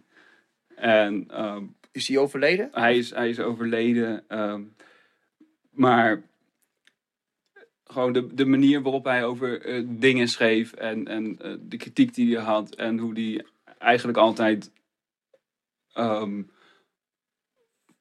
volgens mij nooit echt meeging met een bepaalde trend voor zijn standpunt. Dat was gewoon dat was een hele, hele voor mijn idee als ik, als ik het lees gewoon een hele prettig fijne intellectueel die ook eh, kan het jaren 70, 80 taalgebruik zijn, maar die ook gewoon niet eh, afschrikt voor, voor- om, om de dingen te schrijven zoals hij denkt dat ze geschreven moeten worden. Ja. Met, met, met soms wat. ja, als het dan wat intellectueler moet, dan is dat maar zo. Maar Zo van, hij schreeuwt geen moeilijke woorden, bedoel je, of wat? ja, misschien, misschien zoiets. Of, of, of vooral rare constructies. En eh, eh, ehm, hij, hij kan zijn logica ook vrij, vrij kort neerzetten. Waardoor je soms wel even moet denken van... hé, hey, spreekt hij zichzelf nou tegen, maar dan heb je gewoon niet goed gelezen. Goed. Maar eh, het is, ik vind het verschrikkelijk lastig om... om Als je dit nu zo vertelt, hè, weet je, dan moet ik denken aan, aan en ik moest er vandaag ook aan denken, omdat, eh, Lucky Falls 3, de derde. ja. Ken, ken je die? Ken, ken je het werk van hem? ja, Oh, dat vind ik niet goed. ik, ik, ben, ik ben niet zo'n enorme... Ik moet zeggen, ik ken het eigenlijk niet heel goed. Nou, hij heeft het nu, eh, eh, ik vind, ik, wat jij nu zegt, zeg maar, over Rudy Kalsbroek, en ik, Ja. weet, ik weet 100% zeker als ik hem ga lezen dat het gewoon waarschijnlijk niet waar is, zeg maar. Maar ik voel daar een soort vergelijking mee met, met Lucky Fons, want die benoemt in zijn liedjes op een hele recht toe, recht aan manier, wat, waarop het bijna, ja, zo van, hè, wat, wat zegt hij nou? En dan valt het toch weer samen. Dus het is een, een, een hele leuke manier van poëzie voeren, alsof, het, alsof hij dan aan het praten is tegen jou. En dan heeft hij bijvoorbeeld over een mossel. Of het, ja, het nummer heet De Mossel, maar het gaat dan over.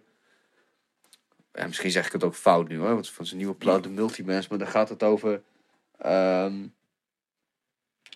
dat die, hoe die begraven wil worden. En dat hij eigenlijk op een, eh, op een eh, vuilnishoop wil worden gegooid of zo. En als hij, dan als hij dan reïncarneert, dan zou hij heel erg pissig worden als hij dan weer op aarde terugkomt, zeg maar. Ja, En, nou, ja, en dat vindt hij dan heel kut. En dan zegt hij van, eh, ja, ik wil niet gecremeerd, ik wil niet begraven. Oh, ik wil in een vuilnisoven of gewoon eh, op een vuilnisbult. En dan, dan word ik gewoon met rust gelaten. Is het eindelijk gewoon stil. Gewoon geen, iedereen moet zijn bek houden. Als ik dan reïncarneer, ik kom terug. Dan, en ik ben weer op aarde, op dezelfde plek. Dan word ik helemaal gek. Dan, dan, dan wil ik wel, maar dan moet ik een, een eendagsvlieg zijn. En geen mossel. Want mossels kunnen bijvoorbeeld 400 jaar worden. Google maar. Weet je, dan zegt hij dan ook in dat liedje. Ja, nee, het is echt zo. Google maar. En dan zit je dan als mossel, lig je dan maar op de bodem. Kan niet lopen. Klep je open, klep je dicht. Weet je wel? dat is gewoon super saai. Dat is wel een mooie redenering, dat hij je dan... Ja. Ja. Heel goed. eh, eh, ik, ik, denk, ik denk niet dat het hetzelfde is. Ik vond het een goed verhaal. nou, over mosselen. ik weet niet of het waar is, maar eh, ik heb gehoord. Eh, in het begin was zo dan. Nou, je mosselen, die kunnen we eten. Nou, hartstikke lekker aan de kust mosselen eten. Alleen, hoe, hoe verkopen we nou mosselen? Hoe nemen we ze nou lang mee? Hoe brengen we ze nou ik, verder het binnenland in? Of houden we ze langer? Goed, en ehm, zodra er iets langskomt of het tikt iets tegen die mossel aan, gaat die dicht. En toen zijn ze steeds heel vaak die mosselen eh, gaan, gaan betikken. En dan bleven ze steeds langer dicht. En uiteindelijk eh, waren die mosselen dan zo getraind dat ze gewoon lang dicht konden blijven. En dan denk ik van ja, hoe, hoe gaat dat dan voor de volgende generaties mosselen en werkt dat allemaal? Dus ik weet niet of het verhaal waar is. Maar ik vond het mooi dat iemand dit bedacht heeft. Gewoon tikken. Gewoon het, kon, ja, kon- kon- langer je adem inhouden, langer je adem inhouden, langer je adem inhouden. Tik, tik. En dan gewoon een miljoen van die dingen. Ja, en dan nu gaan we een vrachtwagen. En als je even je mond open doet, dan denk je, nee, dat wil ik niet. En dicht houden, je kan het nu. dan gaan we ergens naartoe en dan eten we je op. Ja, dat, dat, sommigen die, hebben, die zijn zo geconditioneerd, die gaan nooit meer open. Oh, net, dat, net als die, die pistasnoten en zo. Ja, ja. ja, precies. Maar als je dan zo... Ik had met mijn dispuut altijd een... eh, of is, is, dat is nog steeds een traditie. eh, dat we met onze, met onze verjaardag dan eh, mosselen eten. En er is altijd wel iemand die de mossel heeft, zeg maar. Dat is vaak, vaak een, e- een eerste jaar zo, die dan niet, die niet vaak mossel heeft gegeten. Maar je weet op een gegeven moment, als eentje half open is of zo, dan moet, dan moet je gewoon niet aankomen. Waarschijnlijk hartstikke dood. die heeft zo lang zijn adem, maar nu weet ik het, die heeft gewoon zo lang zijn adem ingehouden dat het, eh, dat het gewoon Ja. ziekelijkmakend is geworden. Misschien, ja. Maar wat een goede, goed, goede random fact dit. Ja, het is, het is altijd de vraag bij zulke dingen of het waar is. Maar ik vond het een goed verhaal ook. Ja. Dat, Ja, maar 400 jaar, joh. Dat schijnt... Is, is dat... Oké, we gaan nu kijken of Lucky Vos gelijk heeft. Zou je dat kunnen na nazoeken, eh, hè? Of, eh, of, of een mossel 400 jaar kan worden? Dat, als, dat, als, dat, ja, als dat waar is, dan... eh, ik geloof het eigenlijk wel. Bomen die kunnen dat ook wel. ja, maar andere dieren weer niet. Terwijl andere dieren mosselen. Ja, ik, ik zie daar een... dus- Nou, oké, we kunnen wel... Nou, eh, de eerste zoektocht eh, zegt eh, 18 tot 24 jaar oud. En het is voor de rest ook niet iets net als hondenjaren dat je mosseljaren hebt of zo. Ah, Dus volgens mij is dat niet helemaal waar. Lucky Vos lult dus gewoon vol uit zijn nek. Natuurlijk, als het in het liedje past, gewoon scherm man. ja. ja. Nou, het is goed dat we gegoogeld hebben. We call this Ja. bluff. ja. Even tussendoor, Lucky, hè? nog Ja. een nieuw liedje. Nee. Tussendoor, ja? Ja, als je even kan, want eh, we kregen een vraag binnen aan jou. Als jij eh, van Japke Brouwer. Oeh. Ja, Japke, En, eh, shout-out. die wil weten hoe het nieuwe boek verschilt van het oude en waarom die verschillen er zijn. Als je daar nou antwoord op geeft, ga ik heel snel naar de wc. Oh, en ja. als je in je antwoord ook iets over mosselen kan zeggen. Ah ja. Eh, Nee, dat laatste hoeft niet, maar ik denk dat blijft het een beetje... wel een beetje- ja, goed, goed, goed bruggetje. Ja, precies. Ehm, ja, krijgen we dat. Japke die gaat, eh, eh, die, die zou eh, volgende week donderdag een, even een praatje houden bij mijn boekpresentatie. Dus ik denk dat ze op zoek is naar, naar informatie. Ah ja. Nee, even kijken. bij het eerste boek had ik eigenlijk alle verhalen al een beetje van geschreven op het moment dat het idee kwam om het dan te bundelen. Mhm. En ehm, dus het, eh, eh, ik denk wel dat het een eenheid is in, in, eh, in- gewoon om, omdat alle verhalen eigenlijk een beetje vanuit eenzelfde soort gezichtspunt zijn geschreven en veel over dezelfde onderwerpen gaan. En mijn nieuwe boek,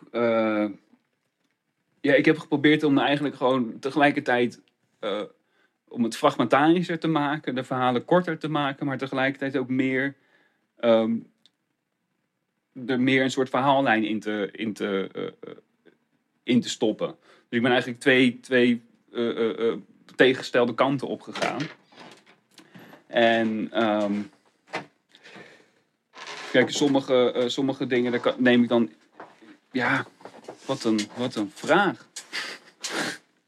Ik moet soms ook, als ik dat dingen vertel, dat ik het eigenlijk twintig keer achter elkaar redelijk dezelfde dingen vertel, maar dan net met een soort nuance erin, waardoor ik denk van ja, het wordt steeds beter elke keer als ik mezelf herhaal. Ja. Maar ook het zal ergens uiteindelijk tussen al die verhalen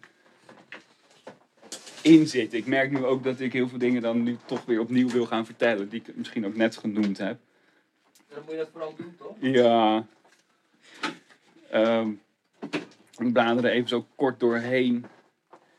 Ik heb, ik heb wel het idee dat dit, eh, dat dit boek iets meer over. Of iets meer, dat dit boek veel meer over mezelf gaat eigenlijk. Ehm, dat je eh, in dit boek toch veel meer. eh, eh, ehm, dat toch wel nadruk ligt op dat, dat de verteller in het boek. Dat het één persoon of, of ja, wat die, hoe die persoon een beetje in elkaar zit, dat dat iets meer naar voren komt. En eh, naast eh, eh, gedoe met postzegels bestellen en, en warm water wat het niet doet en internet wat het nooit doet, eh, ehm, zijn er ook een, heb ik ook een hele hoop dates gehad in die periode die het ook allemaal niet deden. Of, nee, dit, dit, dit, dit klinkt anders dan ik het bedoel. Die, die, Die het niet voor jou deden. die gewoon een aantal dates waar dan toch uiteindelijk een soort van mooi verhaal bij zat. Maar uiteindelijk mooi eh, stuk liep. En eh, ik heb het idee dat ik iets meer naar de voorgrond treed in dit boek. Weten zij dat, dat, dat je hun erin hebt verwerkt? Eh, nee, ik dacht ik kan het eerst voor gaan leggen. Maar ik denk van ja, aan de ene kant, je hebt, het is misschien wel een beetje te herleiden als je allemaal, als je een hele hoop feiten hebt. Want er staan wel, wel data bij, bij verhalen. Maar ehm, ja, ze, ze hebben een andere naam. En ehm, As for forgiveness, not for permission. eh, ik, ik weet niet of, ik denk niet dat ik hier ja tegen moet zeggen. maar, het- en alles is op datum, toch? Dat was die andere niet. Dat is ook een verschil. Eh, nee, die andere. ehm, nou, daar, daar, daar gebeurt een klein beetje hetzelfde in. Alle verhalen van naar de supermarkt gaan, die zijn er wel op, eh, op datum. ja, en, en, En sommige die zijn dan volgens mij wel net. ehm, dagen zonder internet, weet ik, kan ik me nog herinneren. eh, zonder internet is natuurlijk ook wel op volgorde. Maar in het nieuwe eh, boek heb ik er toch voor gekozen om, om dat systeem een beetje aan te houden. Het gaat van, van augustus tot juli. En dan eh, netjes op volgorde van de dag van de maand. Maar ehm 2017, 2018, 2016 staat eigenlijk gewoon allemaal dwars door elkaar heen. Ja. Dus er zullen wat, wat stukken zijn die aan het einde van het boek beginnen, die eh, in het begin eindigen. Maar dat zijn eigenlijk niet veel. Het was een, het was een goede puzzel om, om te kijken waar zo'n boek nou moet beginnen. Om, eh, eh, om dat alleen bij dingen te doen die misschien niet heel relevant zijn voor het verhaal. Maar ik vond het idee om dat, om dat op deze manier over elkaar heen te leggen wel prettig. Dat, dat eh, sommige verhalen, die, die, eh, dan gebeurt er iets en dan, heb ik, dan gebeurt er die dag iets in dat verhaal en de dag daarna en de dag daarna. En dan krijg je uiteindelijk eh, in, in een vrij korte tijd krijg je 10, 20 stukjes die, die over datzelfde onderwerp gaan. En het is prettiger als je dat iets meer ehm, door elkaar weet te zetten. Want eh, er gebeuren, weet ik veel, er gebeuren eh, eh, honderd dingen met mij die, eh, waar ik wat van vind of waar ik, die ik opmerkelijk vind. En dan komen er maar drie in zo'n boek terecht. Dus om, eh, om het boek een beetje over te laten komen eh, zoals ik dingen ervaar, kan ik niet alleen maar die drie dingen erin zetten. Want tijdens die drie dingen gebeuren er nog honderd dingen. Eh, gewoon om, om de, wat je een beetje met je mee moet dragen in, dag in dag uit. Om dat, om dat een beetje over te brengen, dacht ik, nou dan, dan leg ik al die jaren over elkaar heen. En dan hoop ik dat het een beetje hetzelfde effect sorteert. Ja. Namelijk, dit is aan de hand, tegelijkertijd is dat er aan de hand, tegelijkertijd is dit een lopende zaak en is nog steeds mijn warme water niet gemaakt. En gebeurt dit eh, om gewoon dus dat idee van die, die, die vloedgolf aan shit die er eigenlijk altijd is, om die een beetje weer te geven. En ook het idee, als je het zoveel eh, eh, per seizoen doet en je legt alles over elkaar heen, ehm, het is ook gewoon een cyclus. Eh, je kan dingen oplossen, maar dit- is gebed zonder einde of zo. Dat, dat, Dat is- het stopt nergens. Super Kafkaiaans is het. Dus- ja, dus, Ja, ik vond het wel heel mooi. Ik had een keer eh, eh, ge- gedoe met eh, Telfort. En toen zei ik tegen de uh, uh, servicemedewerker, ja, ik vind het wel een beetje Kafkaesk. En toen zei ze, nee, dit is niet Kafkaesk. het is gewoon zo en we kunnen er gewoon niks aan doen. Wordt gewoon gelijk het punt, zeg maar, benadrukt. ik, vond, ik vond dat mooi. Ik denk van, nee, het is helemaal niet Kafkaesk. Het is simpelweg zo, kunnen we niks aan doen. Was dat met dat, de bewoners van dit uh, van dit huis of zo, dat was het toch? Ik, ik, ik kreeg een hoop post van, van Telfort, die dan gericht was aan de bewoners van. En dat, dat is heel moeilijk op te zeggen. Ja. maar dat staat ook in, in, in, geen sinecure. Ja, ja, ja oké. Okay, we moeten niet van alles gaan, gaan verklappen, maar het is, je ligt echt helemaal dubbel. en nog één, nou, nog één vraag, komen we er vast misschien wel op terug, maar nog, voor nu even, even nog één vraag. Wat, wat ik me deed opvalt is dat er een stekkerdoos op de voorpagina, op de, op de kaft staat. Was dat, is, is dat ook een verhaal? Uh, nee, ik, ik, ik was uh, eigenlijk gewoon op zoek naar, nou ja, er, er moest een cover komen. En um, ik had ooit een keer een soortgelijke foto gemaakt. Uh, dat was in, in Vera in Groningen op de bovenverdieping. Zat ergens een stekker op deze manier in die stekkerdoos. En ik heb er toen een foto van gemaakt, want het is gewoon de. Het, ik wil ook zeggen, heel vaak gewoon um, bijna alles wat je ziet, mensen hebben erover nagedacht. En dan kun je zeggen, ja, diegene die die stekker erin stopt, heeft er niet over nagedacht. Maar ik, nee, je hebt niet hard genoeg nagedacht. Ik bedoel, je kon die stekker wel naar stopcontact steken. Er waren echt processen gaande. En je begrijpt het principe van in de weg zitten. Dat, dat, dat, en dat is allemaal niet zo erg. Alleen, je kon, je had dit gekund dit goed doen. Ja, ja, ja. Want en, en, en het was ook een stekker van, van uh, uh, volgens mij ging het ook nog naar een verdeeldoos en weet ik veel wat. Er was geen moment op de dag dat je dat ding er even uit kon trekken en hem er goed in kon stoppen.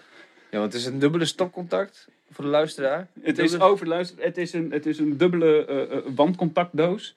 Met in, in het bovenste wandcontact zo'n zo'n stekker met zo'n 90 graden hoekje erin gepropt die dus het, het tweede wandcontact blokkeert. Ja. en dat is niet handig. Nee. En toen heeft de, heeft de vormgever, uh, heeft, uh, Mark van Holst, die heeft bedacht om dan ook op de, op de cover de E eraf te laten vallen ook dat als je dat ziet, dat je dan denkt van, ah, oh, dit, is, dit is heel vervelend. Dat je een beetje zo in, in, in de goede modus komt voor het boek. voor het boek, heel mooi. En uh, toen heeft, de, heeft de drukkerij twee keer gemaild met de vraag of het allemaal wel de bedoeling was. En op de rug hadden we hetzelfde gedaan. Alleen toen heeft een of andere, hebben ze ook uh, uh, even gevraagd wat de bedoeling was. Gezegd dat het de bedoeling was, maar dan heeft iemand toch gewoon nog bij het, bij het uitsnijden het ding net iets verschoven, zodat die E er nog net op past. Nazi's. Nee, maar drukkers, dit, je, je kan dit echt niet aandoen. Die mensen die, die, het moet goed. Dit is, dit is Uitgelijnd. Niet, ja. Dit is niet, creativiteit vinden ze prima, maar drukwerk gaat gewoon zoals drukwerk moet. En ik vind het heel prettig dat er een, gewoon een uh, uh, bepaalde beroepsgroep is van mensen die dingen gewoon goed willen doen. Ik, bedoel, ik, ik zou de eerste zijn die dat toejuicht. dus het is ook vervelend dat ik ze hiermee heb opgescheept natuurlijk. Maar hoe verkoop je dan uh, deze dingen? Want je hebt, uh, je hebt geen uh, uitgeverij, dat is uit Den Boze, zei je. Dat moet je zelf doen. Nou ja, ik, bij die eerste had ik zoiets van, ik, ik wilde nu zo... Um, ik had het idee, dus dan wil ik het ook gewoon uitvoeren en dan houdt het alleen maar op. En dit, deze keer heb ik dat eigenlijk ook gedacht. de vorige keer, ik heb... Het is misschien niet veel, maar voor iets wat je zelf uitgeeft. En als ik hoor wat andere mensen aan boeken verkopen. Als ik er 200 verkoop, doe ik het volgens mij niet heel slecht. En denk, als ik dit bij een uitgeverij had gedaan moet ik maar zien of ik tot die 200 kom. Want in veel gevallen brengen ze gewoon je boek uit en houdt het een beetje mee op. Ik zou wel een agent willen die, die optredens regelt en, en zulke soort dingen. Mijn nummer staat eh, op de website. Uh, als je een agent bent, ja, ja. moet je even bellen. ja, maar optredens in de zin van voordragen Voor, Voordragen, zulke soort dingen. Dat, dat, ik vind zulke dingen ook niet echt leuk om te, om te regelen. Maar um, kijk, een zorgen dat er ergens een fysiek boek komt, is, is nog wel te doen. En het is leuk bij een uitgeverij dat ze, uh, weet ik veel, het, uh, in depot terechtkomen, weet ik veel, dat je het overal kan bestellen. Ja. Maar ik denk als ik. Uh, het makkelijkste met boeken verkopen is als je ze zelf verkoopt. Ik heb crowdfunding actie opgezet toen. eh, voor, eh, eh, zodat ik tenminste ook een beetje mensen die, die foto's maakten, dingen vormgeven, tekstcorrectie doen. Dat ik mensen kan betalen. Ja. Maar ja, ik ben, dan ben je 99 boeken toen verkocht. Dus ik denk, nou ja, ik ben, ik ben, al, ik ben al flink eind. ja, want je had er 200. Hiervan eh 350. Oké. Want ik had, ik had dus een, idee, e- eerst had ik er 200 van verkocht, ja. een, een, een idee voor, voor, een, voor een boek. Zat laatst in de trein. Terwijl ik aan het pissen was, dacht ik in één keer van, oh ja, dat was het. En, eh, en, het, en ik dacht van, het is zo tof als je, als je het gewoon eh, noemt van, eh, even voorstellen. En dan kun je dan volgens van die korte verhaaltjes dat je je even iets voorstelt. Zeg maar. Misschien is, is dat ook iets wat wij samen kunnen Ja, doen. dat, dat, Oh ja, ja. ja. even voorstellen. Want volgens, wat, volgens mij iedereen heeft zo zijn, zijn eigen manier van... eh, Ja, je, en creativiteit. Van, bijvoorbeeld dat je een vosje bent of zo. Dan kan je je voorstellen. Kan je, kan je ook voorstellen van... Oh, ik ben Casper. Hm. Ja, ja. je, kan, Ik, ik, eh, je kan iets voorstellen. Even voorstellen. stel, ik, ik dacht vanavond wel, stel, stel je voor dat ik die man was. Hoe zou ik dat, eh, mag ik dan, eh, past dat er ook in? Ik, ik, vandaag zag ik een man en ehm, die had voor op een kind op zijn fiets, achter op een kind op zijn fiets. Eén hand aan zijn stuur en die andere was hij aan het bellen. En hij reed over de stoep en hij werd een soort van boos op mij dat ik daar was. Ja. En toen dacht ik wel, ehm, die man die houdt heel veel ballen hoog. Chapeau. Maar ho- hoe is dat? Ik was wel, eh, ehm, ik was wel, ik, ik zou wel willen weten hoe het is om die man te zijn. ik zou, Hoppa, me dat, ik zou verhaal me dat wel willen voorstellen. Ja, ja, precies. Ja, maar zo heb ik echt op een dag. Ik heb dat heel vaak. Dat ik dan, ja, dan, dan, dan, kijk ik, zie ik iets. En ik ben altijd heel erg met mijn werk bezig. Dus dan, met andere woorden, het, mijn, mijn aandacht is altijd in een soort van tunnelvisie. En soms, als ik heel even gewoon op straat loop of. of ik, ik, wandel de laatste tijd wat minder, maar ik ging altijd vroeger, vroeger wat meer wandelen van, van huis naar werk.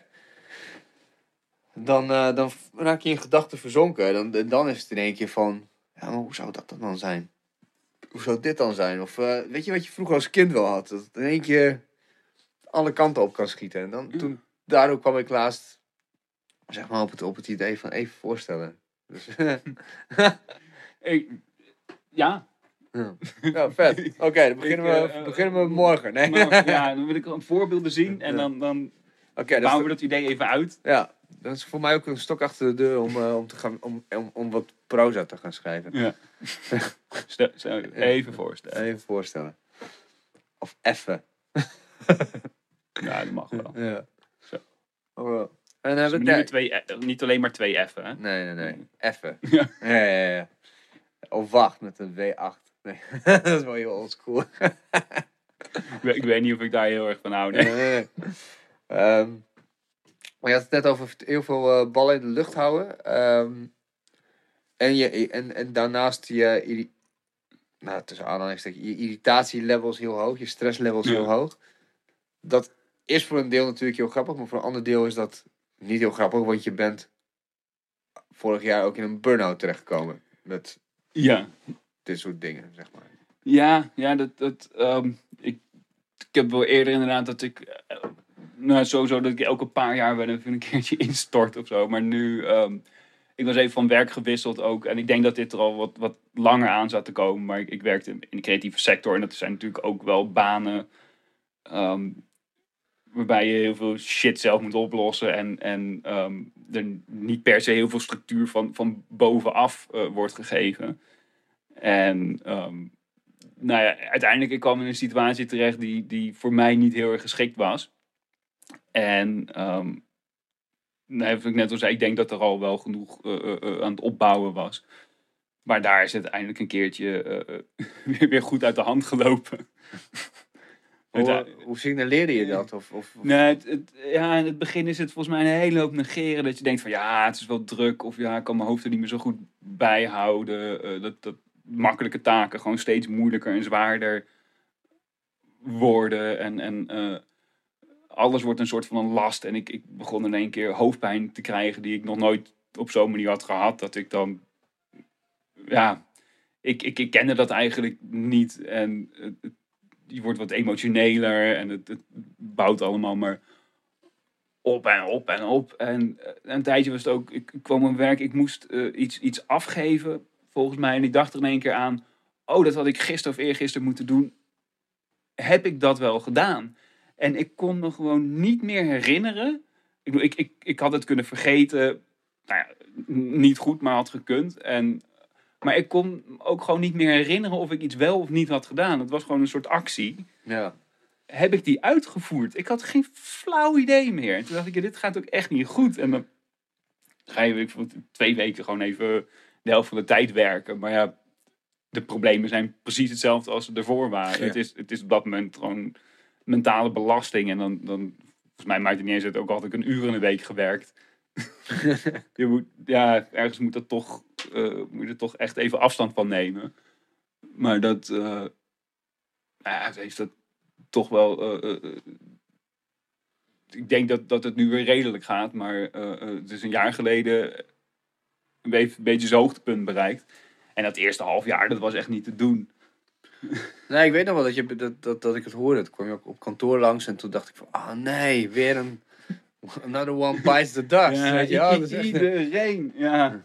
Het, is, het is ook heel raar hoe die dingen gaan. Dat je, ehm, hoe, hoeveel, hoeveel dingen er wegvallen. En de eerste paar dagen thuis, dan, dan, dan zit ik op de bank en denk ik, ja, dit is echt te veel. Ik moet liggen. En dan lig ik op de bank, alleen mijn leuning is te hoog, dus past mijn hoofd niet goed op.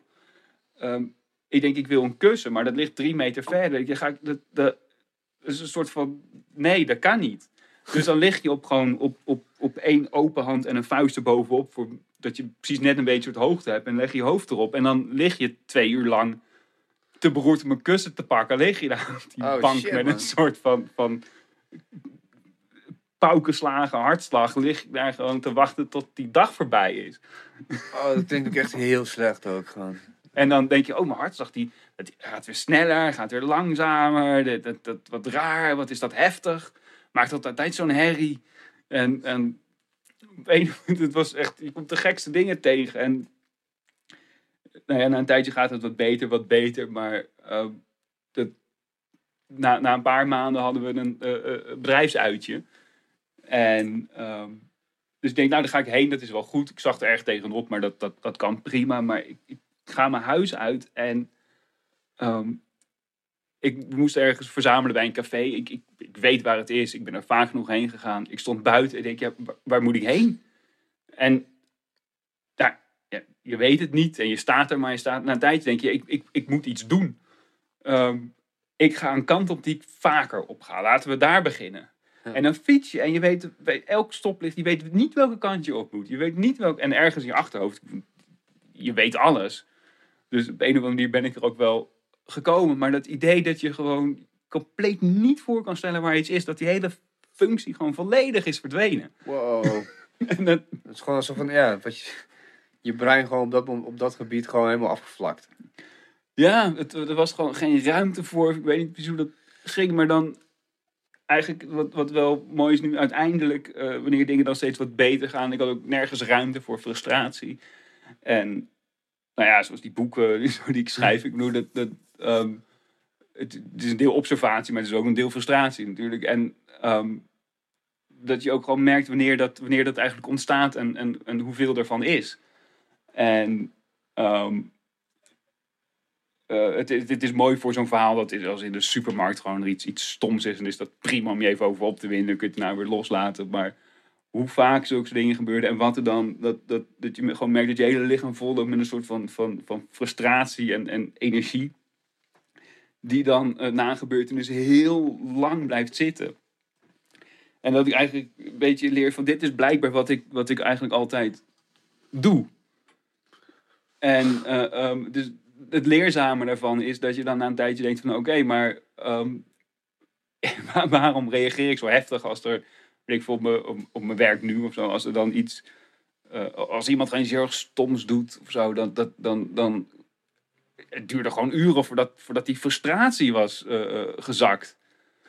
En Je zat gelijk op power level. ja, dat eigenlijk altijd, denk ik. En, en uit zo'n burn-out komen. En ik heb toch heel erg geprobeerd die focus op te hebben. focus op te hebben, dat klinkt ook verschrikkelijk. Maar gewoon er toch op te letten van ja, wat, wat gebeurt er nou? Waarom gebeurt dit nou? Maar ook als je heel vaak in de stress zit, je hebt geen idee wat je lichaam doet. Ik, heb, ik, ik had helemaal geen, geen, geen eh, eh, goede, goede interactie met mijn lichaam, met signalen. En ik wist helemaal niet wanneer ik gestrest was. Weet ik veel, altijd waarschijnlijk. En dat je, dat je dan nu, eh, ehm, als, als al je functies een beetje, stukje bij beetje weer terugkomen, dat je dan eigenlijk veel beter een soort reconstructie kan maken van hoe je in elkaar zit. En wat je daar, ehm, wat de valkuilen zijn. En ik heb het idee dat ik daar eigenlijk wel, eh, wel beter uit zou moeten komen dan dat ik erin ging. Want ik hoorde, ik, het is heel interessant wat je, wat je zegt, want ik hoorde laatst iemand zeggen van, nou, ik zat, ik, ik zat in een burn-out en ik was alleen maar bezig dat ik uit die burn-out zou komen.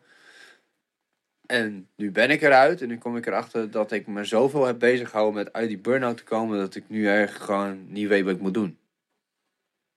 Oh, dat is ook, dat is ook nog een risico. ja, want jij, wat bedoel, jij, jij hebt, dan- je hebt in, in je burn-out heb, heb je, ben jij begonnen aan schrijven. Ehm, nee, dit boek. ehm, nee, ik, ik, was, ik was eigenlijk. eh, ik had het voorstel voor dit boek ook ingediend voor, eh, voor een stipendium. Ehm dat was dan eind 2017 had ik dat ingediend. En eh, ik had al wel een beetje dingen liggen voor dit boek. Maar ik wilde gewoon in januari eh, vorig jaar dan beginnen met het boek.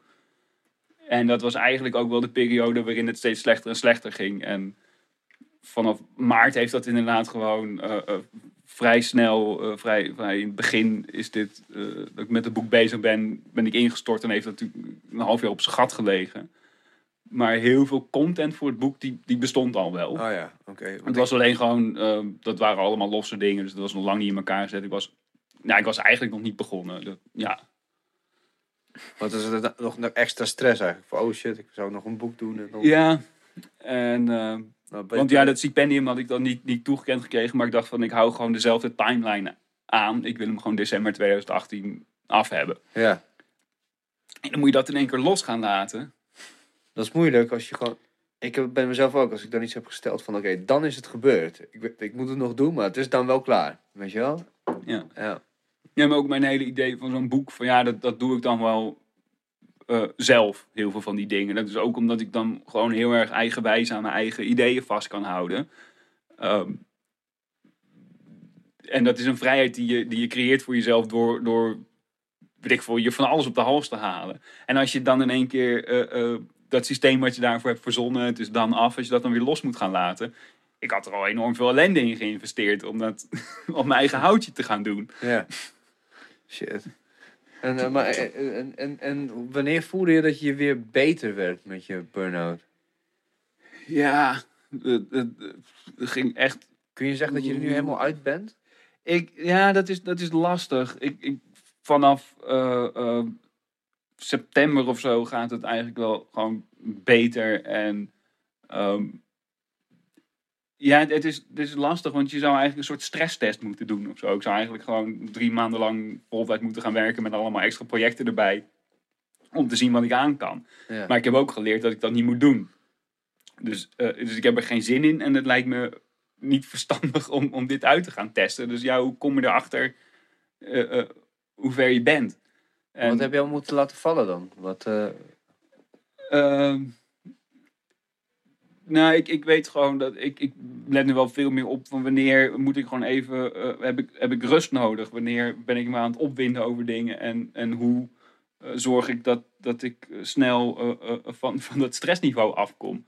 En heel veel, echt toen ik een beetje uit die depressie aan het komen, burn-out aan het komen was, was het eigenlijk vooral zo dat ik eh, s ochtends even iets met werk ging doen en daarna ging ik gewoon thuis even drie kwartier yoga doen. En dan ehm, was ik weer gewoon even gereset en dan kon ik nog de tweede helft van de dag wat dingen doen. En zo zaten er overal wat heel veel ingebouwde eh, rustmomenten in. mhm. En ehm, ja, die zitten natuurlijk ook wel in de weg als je, als je gewoon verschrikkelijk veel wil gaan doen. ja. Maar ik, ik denk dat het ook wel, dat het ook wel goed is eh, dat, ik, dat ik die dingen heb. En dat ik dan ook eh, s smiddags denk van nou, ik ga lekker naar huis, ik ga even hardlopen. Ik zie daarna wel weer. Ja. Dat doe je nog steeds? Ja, eh, yoga is wat, is wat weggezakt, maar ehm, nu is het weer wat meer hardlopen of eh, gewoon even een wandeling maken. Maar wel eh, zoveel mogelijk proberen om ergens halverwege de dag eruit te zijn. En ehm, te kijken of ik, of ik mijn hoofd gewoon even niet met weet ik veel, lopende zaken bezig kan laten zijn. Ja. En dat is een enorme opgave soms om dat, om dat zover te krijgen. Ja. Ja, want eh, ja, ik, zit, ik, ik, ik merk bij mezelf dat ik nu veel duidelijker mijn grenzen aan, aan durf te geven. Want vroeger dan, of vroeger is het niet eens zo heel lang geleden, toen, toen, toen kon ik echt, ik, ik heb een talent om mezelf, vloek of talent, hoe, het, hoe je het wil zien, om, eh, om, is om, om mezelf helemaal vol te plannen. Ja. En op een gegeven moment toen dacht ik van nee joh, ik moet echt rust plannen, zeg maar. Ja. Want Anders ga je maar door, ga je maar door. Op een gegeven moment ben je mentaal inderdaad gewoon open. Dan kun je ook niet meer naar mensen luisteren. Dan kun je ook niet meer dingen doen. En ik vind het meest vermoeiende vind ik eigenlijk dat ehm, als, je, als je ergens, tenminste daar ben ik voor mezelf achtergekomen. Dat niet per se dat dat, ja, dat je bijvoorbeeld, ik hield al heel erg van, van feestjes en van feestjes Ja. gaan of zo. Op een gegeven moment kwam ik erachter dat het, dat het heel zwaar valt, omdat je dan heel veel prikkels hebt. En je hebt al in je werk heb je al de hele tijd met mensen te maken. En dan moet je de hele tijd weer een bepaald, nou ja, of je het nou wil of niet, een masker opzetten. Want dan moet je gewoon energie investeren, zeg Ja. maar, in mensen. En dan, en dan moet je in je vrije tijd, moet je dat dan ook gaan doen. Ja, maar nee, maar ik heb ook het idee dat jij eh, gewoon ook, eh, vooral na een tijdje terug, dat jij gewoon, weet ik veel, geen enkel moment niet iets aan het doen was. Ja, en dat hoe laat sta je op? Wat doe je allemaal? Ik denk, hoe, hoe, ik, ik, ik, hou, ik hou dat gewoon, weet ik veel, wat jij voor tien uur doet, dat red ik niet een dag, denk ik dan. Ja, dat, nou, dat, is, dat, dat is op zich wel fijn hoor. Dat ochtendritueeltje is, is ook gewoon goed ingesleten. Daar ben ik best wel trots op. Dat was altijd, het is nu, ik sta nu rond tussen kwart voor zes en zes uur op. Maar het doel is uiteindelijk om om vijf uur op te kunnen staan. Gewoon super fris. En dan nog allemaal dingen te kunnen doen in twee uur. Voordat je naar, naar de gym gaat. En dan vanuit de gym naar, do- door naar gewoon het dagelijks leven. Maar dat, dat, dat ik, ik heb het een tijdje half zes gedaan. En dat was echt killing. dat was echt killing. Dat, dat, dat red je ook niet met je... Want je kan niet je hele sociale leven, zeg maar, de nek omdraaien. Je kan ook Nee. niet thuis, je kan niet thuiskomen en tegen, tegen, tegen mijn vriendin, tegen Jenny zeggen van... Hé, hey, eh, schat, het is nu eh, negen uur. Later, hè? ja, dat, dat, dat, dat kun je gewoon niet maken. Als je elkaar niet ziet, dan zie je elkaar gewoon niet meer, zeg maar. Nee. En ehm, wat- dus dat, dat, ja, er zit ook, ook grenzen aan. Ik, ik kan zelf ook super ri- rigide daaraan vasthouden. Maar dat is wel eh, bijvoorbeeld 's ochtends mediteren, focusoefeningen. Ja. Als ik dat gewoon één dag oversla door de week. Ik heb het in het weekend, dan sla ik het over. Omdat je dan lekker uitslaapt en dan samen ontbijtje en dat soort Mm. dingen. Ja, dan, eh, Ja. dan, dan is op zondag begint de stress levels beginnen omhoog te gaan. Want van wat, wat, wat wil ik nou? Wat is er, waarom maak ik me zorgen? Oh ja, ik heb geen. Ik heb, ge- ik heb geen focus en ik heb geen lijstje voor morgen. Dus dan wordt het al een soort van innerlijke.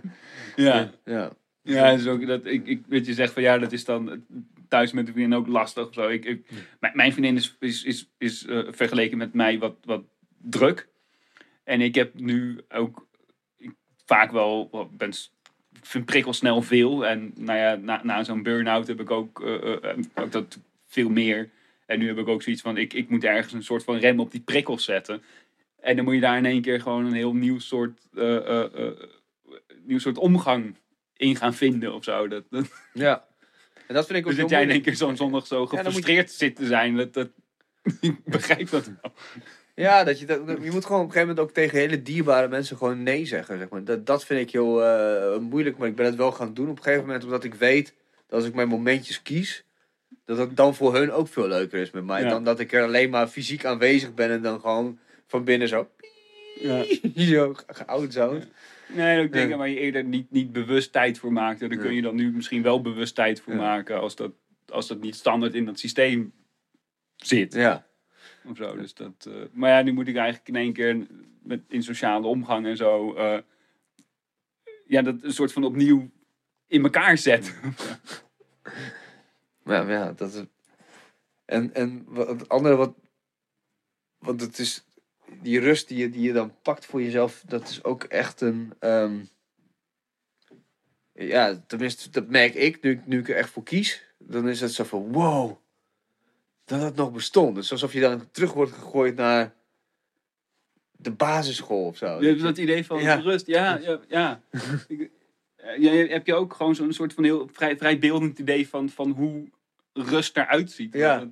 Ja, zeker. Ja, dat, Want ik heb, ja, ik heb misschien een basisschool, maar wel eh, na het- een een soort van vakantie idee. Ja. Maar het kan volgens mij misschien ook wel na die basisschooltijd zijn. Maar meer dat je het idee van, ja, er is, er is nu niks. Er is misschien morgen niks. eh, dus vaak is het een soort van lekker weer. eh, eh, eh, een bepaald soort saai. Stil- Soort- Nee, ja, maar een soort van, van oeverloos eh, ding dat, dat het ook niet uitmaakt hoe laat het op dat moment is. En dat, dat, dus dat is een soort- vaag soort herinnering van hoe dat dan Ja. is. En ik, ik van dat- eeuwigheid is het gewoon. Ja. ja. en dat, dat ik de afgelopen tijd ook wat meer focus hiervoor heb. En ook wel gewoon wat meer oplet. Dat ik vaker een beetje in zo'n moment, dat ik zo'n moment heb. Waarin ik denk van, oh ja. Ik, ik ben helemaal met, niet met dingen bezig. En, Precies. En het is alsof je een soort warm bad ligt of zo. Ja, maar dat zijn toch, dat zijn toch echt flesjes dat je, dan, dat, je dat, dat je dat hebt. Want soms dan denk ik, oké, als ik zo hard had gewerkt tijdens mijn studietijd, studententijd, dan was ik dan een vette baas geweest. dan had ik echt drie studies of zo afgemaakt. Ja, maar als, Ik je, echt als je die, al die tijd een keer wat tijd voor jezelf had genomen, dan was het misschien ook beter geweest. Nee, ja, precies. Dan alleen maar gewoon, eh, ja, weet ik veel, joints, joints roken. Voor, voor college. Joints roken. Tijdens de pauze van college. Joints roken na college. en dan gewoon je blijft volhouden van dat die shit is best wel chill, joh. gewoon helemaal niet kunnen volgen. Hè. Ja, het is gewoon mooi dat je ergens zo'n periode hebt waarin je dat Ja, gewoon ja. even kan doen. Ja, en over, over joints roken gesproken. Eh, jij hebt aan een, aan een onderzoek meegedaan eh, qua microdosing van psilocybine. Ja, Van, eh, dat, ja het, is, het is mooi. Ik, ik gooi het zelf eigenlijk nooit in de categorie drugs eigenlijk. Ik vind dat wel mooi, maar dat, dat het is, ja, aan de andere kant is het natuurlijk wel. Maar ehm, nee, het, het idee is dan psilocybine, eh, wat in, in truffels of, of eh, eh, paddenstoelen, eh paddo's zit. Eh, en dan het, eigenlijk het idee dat als je daar ehm, kleine hoeveelheden van neemt, dat het dan ook effect heeft. Maar niet dat je dingen gaat zien of eh, ehm, dat je gevoel daar heel, heel erg verandert, maar wel door een klein beetje eh, blokkeren van misschien dat, dat, dat stuk in je hoofd dat een beetje voor, voor je ego zorgt, maar ook wat moet ik allemaal doen? Hoe moet ik dat gaan doen? En eh, weet je, dat zenuwcentrum wat, wat alles een beetje in banen leidt, legt heel slecht uit. Maar volgens mij als je dat een klein beetje blokkeert, dan gaat de rest van je, van je hersenen, al die gebieden, die gaan een beetje met elkaar communiceren. En eh, wa- waardoor je dan eigenlijk net, eh, gewoon net op een andere manier naar dingen kunt kijken. Dus dan zeggen ze, ja, het zou heel goed kunnen zijn dat je daar creatiever van wordt. ehm, ook, maar ook productiever, dat je eh, beter bent in sociale situaties. Eh, nou ja, er is er een lijst van, van 50 dingen waar het voor werkt. En het is altijd een beetje lastig van die dingen, want je kan ook een lijstje maken wat de voordelen zijn van een goede wandeling. En dat zullen er ook precies diezelfde 50 zijn. ja, ja, ja. dus eh, goed dat er onderzoek wordt gedaan naar zulke soort dingen. Dat is in Amsterdam was dat toch? Eh, dit was uh, Universiteit van Leiden, deed Oh. Leiden. En ehm, samen met de Psychedelic Society of Netherlands, eh, dat, die, die zitten volgens mij vooral in, Amst- die zit volgens mij in Amsterdam. Maar dat er één keer een cursus, hoe maak je dan zelf van eh, truffels, eh, eh, eh, die even droogt en eh, klein maakt, in een capsuletje stopt en weegt en, en alles.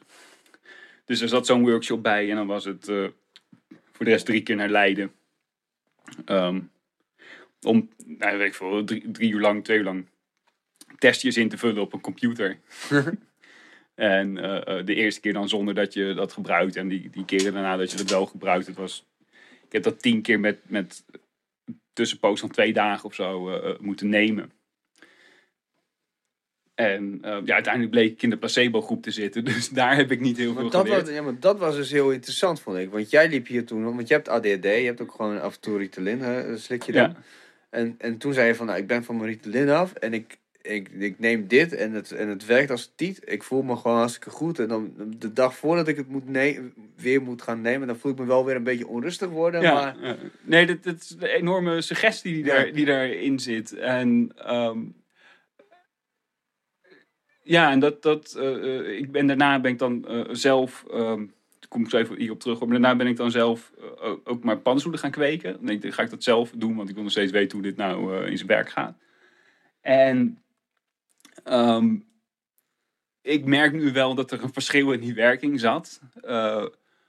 Maar ik denk dat het, ehm, je voelt wel degelijk dat, dat, er, dat er iets is. Het is, het is, geen, het is geen upper, het is geen downer. Je wordt er niet eh, vrolijk van, je wordt er niet verdrietig van. Dat, dat, dat, dat allemaal niet. Maar ergens heb je het idee van, oh, eh, ik, ik voel nu iets. En als ik twee keer zoveel neem, voel ik dat ik twee keer zoveel. Ja. Maar wat dat is, is eh, niet echt goed te duiden. Maar in ieder geval niet een soort toestand. eh, eh, eh, eh, eh, eh, een geestelijke toestand wordt er niet heel erg door, door veranderd of zo. Dat moet natuurlijk ook om subtiele dingen gaan. Ja.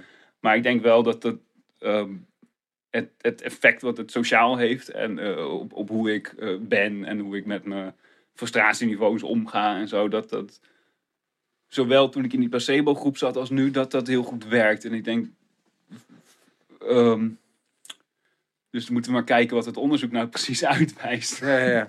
Eh, of, het, of het nou echt effect heeft of niet, maar het hele kader wat je ermee Hoe voel jij het dan? maakt. Ik, ik, je- nee, maar, ehm, nee, even, nog even dat, dat kader, wat er wel wordt gedaan. is ik heb nu gewoon een soort kader waarbinnen ik dit doe. Ja. Dus ik ben ook bezig met dat ik eh, eh, hele kleine hoeveelheden psilocybine neem.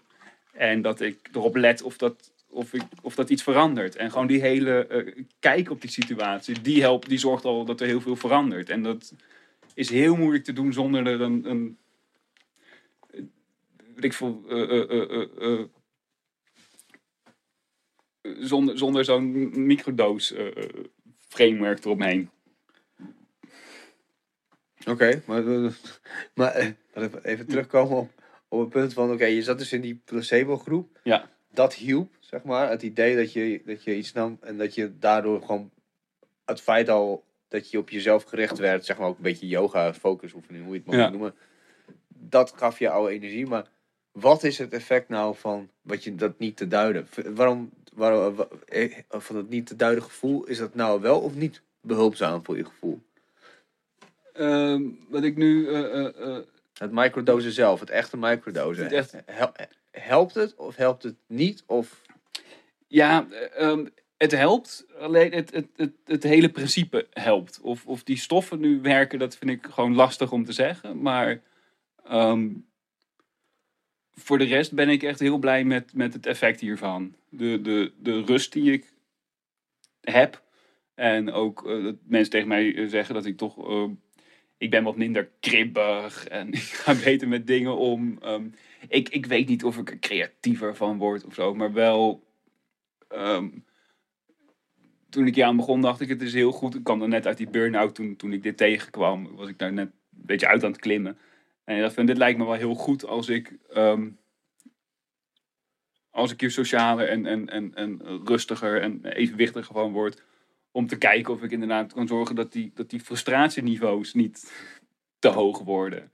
En ik heb nu wel het idee dat ik, dat ik daar beter mee om kan gaan. Dat ik het eerder herken en dat ik eerder dat een beetje ehm, op kan lossen of, of, of terug kan brengen.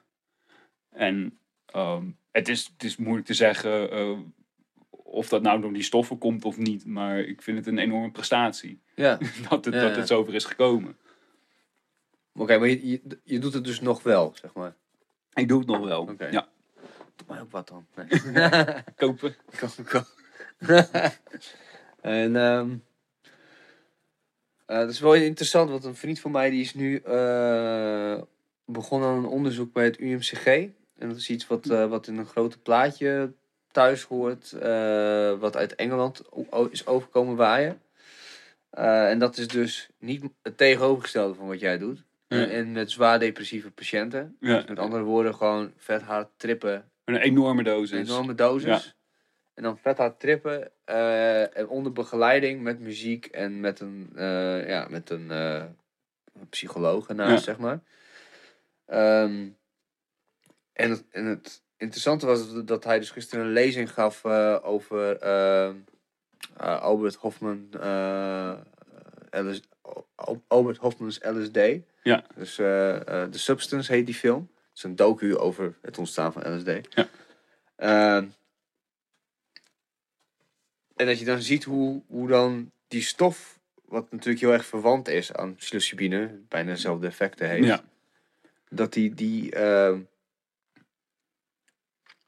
ja, die man die vindt dat uit. Die, Per ongeluk. per ongeluk. terwijl die dus zoiets van een, paar- zo'n schorstje van een rogge eh, graan eh, vol- volgens mij destilleert of zo. En dan eh, hij is op zoek naar, naar een medicatie voor bloedsomloop. Ja. En dan eh, eh, komt een stukje rogge, eh, eh, dat schorstje, dat, daar haalt hij dus dat, dat, die, die, die zuur, die eh hoe heet dat? Nee, geen idee. LSD. LSD, inderdaad. en dat hij dan per ongeluk dat binnenkrijgt. En dan zegt van, ja, dat is een Zwitser. Hè? Even, even setting, dus vet mooie bergen, eh, vet mooie natuur. Het is lente, dus die kerel die loopt naar huis. En die, heeft, die, die zegt ook van, die schrijft dan in zijn dagboek. En dat is gelijk ook de eerste notitie van de eerste trip op LSD. Dat het echt zo mooi is, zoveel liefde, zoveel hoe prachtig het leven is. En zijn familie en wauw, wauw, wauw. En de volgende dag denk ik hé, hey, volgens mij is dat omdat ik hier wat van binnen kreeg. Ja. En dan denk ik van, oh, als een goede onderzoeker ga ik het even testen. En dan is het, ik weet niet wat hij neemt, iets van 10 milliliter of zo. Wat natuurlijk in LSD dosis gewoon te veel te veel is, zeg maar. Ja. Zo'n micro, dan zo'n microliters of mi- microgrammen. microgrammen moeten nemen. Nou, ja, neemt hij. en dan. En dan is dan gelijk de dag erna. Is de eerste dag is dus de, de rapportage is in zijn, in zijn boekje van de allereerste LSD-trip ever. En dan de tweede dag is de allereerste bad trip ever. zeg maar. Die gast denkt dat hij, dat hij echt doodgaat. En Ja. Het mooie is in die docu is, dat, is, is, dat hij. eh, dat die gast, eh, dat die eh, Hofman, die wordt geïnterviewd twee dagen voor zijn honderdste verjaardag. En dan vertelt hij dat ook zo van ja, ik dacht echt dat ik, ik was, ik was dood. Ik was Ja. naar de andere kant. Ik keek naar mijn leven. Het was helemaal. Nou, ik had wel oké gedaan of zo. Maar het was ook niet dat ik, dat ik nog terug ging komen. Toen de volgende dag de zon opkwam en, eh, en ik wakker werd. Het was, alles was bonus. Ja. Mijn leven daarna is gewoon bonus, weet je. En eh, waarom ik dat op terug wil komen was dat het schijnt dus een heel goed effect te hebben op, eh, op hele depressieve mensen. Ja. Omdat je dan even buiten je kader denkt. Ja, eh, Michael Pollan, die heeft daar Ja. wel eh, kort terug een heel goed boek, eh, nou, ja, een goed boek over die hele geschiedenis ook geschreven. En ook How to change your mind. How to Change Your Mind, Ja. ja. En ook hoe dat eigenlijk in, in dit komt uit begin jaren 50 of zo, eh, wat van onderzoeken er toen allemaal gedaan zijn. Er is toen heel erg veel onderzoek gedaan en sommige mensen, omdat ze op zoek waren naar, bestaat er zoiets als een, als een eh, eh, eh, eh, heet dat, eh, eh, eh, Ziel. ziel, maar ook, ook zo'n goddelijke ervaring, heet dat, eh, Divine. Wat we zoek je? Ja, nou ja, zo'n zo'n religieuze ervaring, laten we het Ja. zo noemen. bestaat dat en hoe kun je ermee omgaan? Maar ook inderdaad eh, werkt het tegen alcoholisme, mensen die niet van depressies afkomen. Er waren fantastische resultaten. En nou ja, Timothy Leary is ergens te ver gegaan. ja. En, nou ja, dat is ook, ook makkelijker gezegd. eh, Nou, Het was misschien iets En je, ziet, je, ziet, je, Anders, ziet, je ziet foto's van Timothy Leary voordat hij dus, to- toen hij nog op Harvard zat. Is Ja. gewoon zo'n nette meneer. Die dan ook onderzoek doet met psychedelica. Terwijl, en dan terwijl die onderzoek doet, neemt hij het zelf ook. Ja, Dat is een beetje waar Harvard overheen viel volgens mij. En dan vervolgens wordt hij ontslagen bij, uit Harvard. En dan zie je een jaar later. En dan is het echt dat haar is alle kanten op. En heeft hij zo'n blouseje aan met allemaal van die kettingen met zonne, Oh, zonnetjes en zo. er, zit, er zitten een hele hoop markante figuren in de geschiedenis. Dat is echt wel, wel mooi. Maar ehm, dat er toch echt enorm... Het, het is natuurlijk ergens een keer eh, dat, dan die opkomst van die hele tegencultuur. En dat dat er ergens gewoon... Dat ze iets hadden van ja, we willen dit allemaal niet meer steunen. En het, het, het- in plaats van dat het gewoon onderzoek was voor... ehm, nou ja, eigenlijk medicijnen of, of behandelmethodes in die hele eh, psychiatrie en eh, in die wereld. Dat je dan in één keer denkt van ja, we gaan dit niet meer steunen, want het, het kreeg een soort drugsgevoel. En dat dat toch nu sinds, sinds een jaar of tien of zo weer allemaal een beetje op, terugkomt. eh, ja, en het, hoeveel, op hoeveel plekken er nu onderzoeken worden gedaan. Want het zag er allemaal wel veelbelovend uit. Ja, zeker. Ja, dat, dat is... En dus ik heb eigenlijk ook nu, ook met het microdoseren en zo, ik heb meer het idee dat het, dat het een soort van eh, ehm, ik doe dit voor mezelf om op een bepaalde manier beter te voelen. Maar het heeft volgens mij niks te maken met, met het, hoe mensen zich voelen als ze drugs gebruiken of zo. Die Ja. hele, ehm, heel veel mensen die dit gebruiken hebben er een compleet andere insteek. Ja, want je hebt bijvoorbeeld Ritalin geslikt. Hè? Ritalin Ja. is echt een heel, heeft een heel duidelijk effect. Dat is gewoon, ik heb ik zelf ook als ADD'er, ik, het is gewoon, je bent gelijk bam, alles is stil in je hoofd, focus, zeg maar. Ja. En Dat, dat, dat, dat, dat is soms ook tot het botten aan toe, zeg maar. Dat Ja. is niet met dit, denk ik, niet. Nee, het is. Ik, eh, je zou je ook voor kunnen stellen dat mensen die, die aan de upper zitten of zo, dat, dat, dat dit of, het, of wat er in het verlengde van het Ritalin-effect is, dat dat iets is wat ze na willen streven. Eh, maar bij dat microdoseren, dat effect wat je daar voelt, het is. ehm, het is om het even. Ik zou, ik zou het misschien. eh, ehm, los van als er misschien even een piekje zit, dat ik dat net een beetje merk dat, dat het iets doet. Het blijft op de achtergrond. Ik heb het eigenlijk niet door. Die dag zou niet anders moeten zijn dan een andere dag. Ja. Alleen je hebt er veel focus op liggen, dus je, je voelt je die dag wel anders. Wat doe je dan om de twee dagen of zo? Eh, Of ik heb eigenlijk steeds twee dagen tussen zitten. Dus ja. Elke derde dag. Ja, en er is ook iemand die heeft een soort systeem verzonnen. Die doet het vijf dagen, dan twee dagen rust. Maar eigenlijk, ik doe het gewoon elke drie dagen een keer. En dan eh, na, na tien weken is het gewoon even een maandje rust. Oh ja, dat is net als creatine. Nee. Ik krijg heb het weer allemaal over. Ik, ja, toch weer over drugs. Hè. ja. ja, terwijl je zelf Ook, zei... ook, ook een mooi LSD-verhaal. Oh, vertel. De, de, ik ben zijn naam kwijt. De, de man van, eh, eh, die, die Flipper heeft gemaakt. De, de, de serie of de films. Oh, ja? Die, eh, die heeft ook heel veel eh, LSD-onderzoek gedaan. Maar ook bij dolfijnen. Om te kijken ook, eh, ook of ze konden praten. En met ons konden communiceren. Maar ehm, volgens mij zijn er later ook onderzoeken gedaan dat ze drugs gaven aan dolfijnen. Dat is volgens mij wel goed gegaan. Alleen ehm, het bleek dat. eh, Even kijken of het echt waar is, even wat ik nu zeg hoor. Maar ehm, dat ze, ze ademen bewust en, en wij ademen eigenlijk onbewust. Of in ieder geval op de achtergrond zit dat proces. Ja. Alleen ja, ze moeten vaker langer onder water en zo. Het is goed als je dat eh, eh, ehm, bewust kan doen. Ja. Ehm, dat als zij gewoon volledig in beslag worden genomen door, door andere indrukken, dat ze niet meer ademhalen. Oh, dus er shit. zijn, er zijn bakken en bakken dolfijnen doodgegaan. Oh, oh, Nou ja, je leert het vrij snel af als je, als je een dolfijn doodmaakt met LSD. Maar het heeft wel een paar dolfijnen gekost voordat, gekost voordat het principe duidelijk was. Oh, ze kunnen niet meer ademen. Aha, het is geen OD, het is gewoon... Heb je dat verhaal wel eens gehoord van die olifant die geïnjecteerd werd met, weet ik veel, e- enorm... ehm, gewoon een spuit vol met LSD, volgens mij echt veel te veel. En dat hij uiteindelijk, die is wel dood gegaan, maar eh, aan de tranquilizers die ze hem gaven, omdat hij helemaal uit die ketens Ja, kwam je moet, je moet echt... Volgens mij is- is, het mogelijk als je verschrikkelijk veel LSD neemt. Maar ik weet niet wat een geintje kost, zoveel LSD.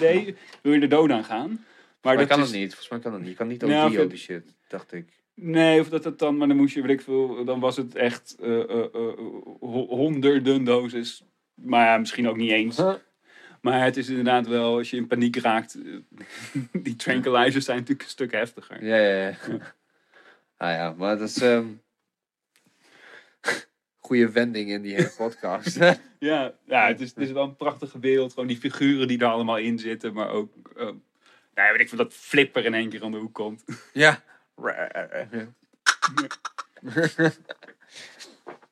ja, dat je dan zou denken van... eh, zou die gast dan zelf eh knettertje wappie met die dolfijnen hebben lopen, lopen zwemmen? Dolfijnen die kunnen bijvoorbeeld wel... Die zijn wel zo intelligent dat ze ook verliefd kunnen worden. En echt dat contact met je aangaan op die manier. Volgens mij heeft een vrouw heel lang met een dolfijn in huis gewoond of zo. Dat die echt tegen haar aan het humpen was en zo. Maar voor, voor Flipper Ja. eh, vonden mensen, een dolfijn was gewoon zo'n zo'n irritant zeedier. Er wa ze waren, hadden echt totaal geen goede naam. Ja. Eh, dat wij dolfijnen nu in één keer leuk vinden. En dat we erachter komen, goh, ze zijn heel erg intelligent. En dat we dan, ja, weet ik veel, als therapie met een dolfijn gaan zwemmen. Ik weet, ik weet niet wat ik daarvan vind, maar... Nou ja, ik weet wel een beetje wat ik daarvan vind. Wat vind je ervan dan? Ja, een beetje. maar Fishy. dat, dat, dat is geen vis. Nee, eh, dat, dat, dat eigenlijk dolfijnen pas vanaf dat moment een goede naam hebben. ja. Het is gewoon heel recent dat de, dat de dolfijn in een goed daglicht staat. Zolang een thanks for all the fish is het dan. Ik denk ook dat, dat alle kangoeroes er heel slecht aanzien hadden totdat Skippy er was. Ja, dat zou wel kunnen, ja. Maar kangaroes zijn ook volgens mij kutbeesten. Dat die zijn groot. Ze Ja. zijn ook gewoon agressief, volgens mij. Je moet gewoon niet fucken met kangaroes. Dat is, dat is een... eh, dat... Ja. Sla je zo op je bek, joh. E- e- even voorstellen. Even voorstellen. Nice. Ja, heel goed. Oké, ik denk dat we, we zitten al bijna op de twee uur. Ik zou, eh, dat is echt snel gegaan, joh. Dat, het, eh, Ik dacht, echt twee uur krijg je het vol. Ik denk, Ja, volgens mij, weet ik, je raakt het pad ook een paar keer kwijt tijdens zo'n Ja. gesprek misschien. Maar Nou, laten we, laten we eh, als, als, als, eh, mag ik, eh, of als ik even voorstellen uit is, dan gaan we weer zitten. ja, En eh, tot die tijd, eh, volgende week woensdag, donderdag, donderdag, 4 april. 4 april, boekpresentatie in Groningen, Kroeg van Klaas. 8 uur, Be there or be square. ja, Geen sinecure. geen sinecure, boekje kopen, wordt hartstikke leuk. Boekjes, eh, hoeveel duur? Ah joh, 10 euro's, Oh, yo. Dat is echt... eh, Niks. Dat is niks. kun je er ook twee kopen. Ja, daarom. Geef eentje weg. Ja, Hoppa. het is een fantastisch cadeau dit. Ja, dat is waaiend om er even mee inderdaad. Dankjewel man. En dan, Hey, dat is leuk. hoppa, high five. En eh throw us on the air, Irie. We zijn er klaar mee.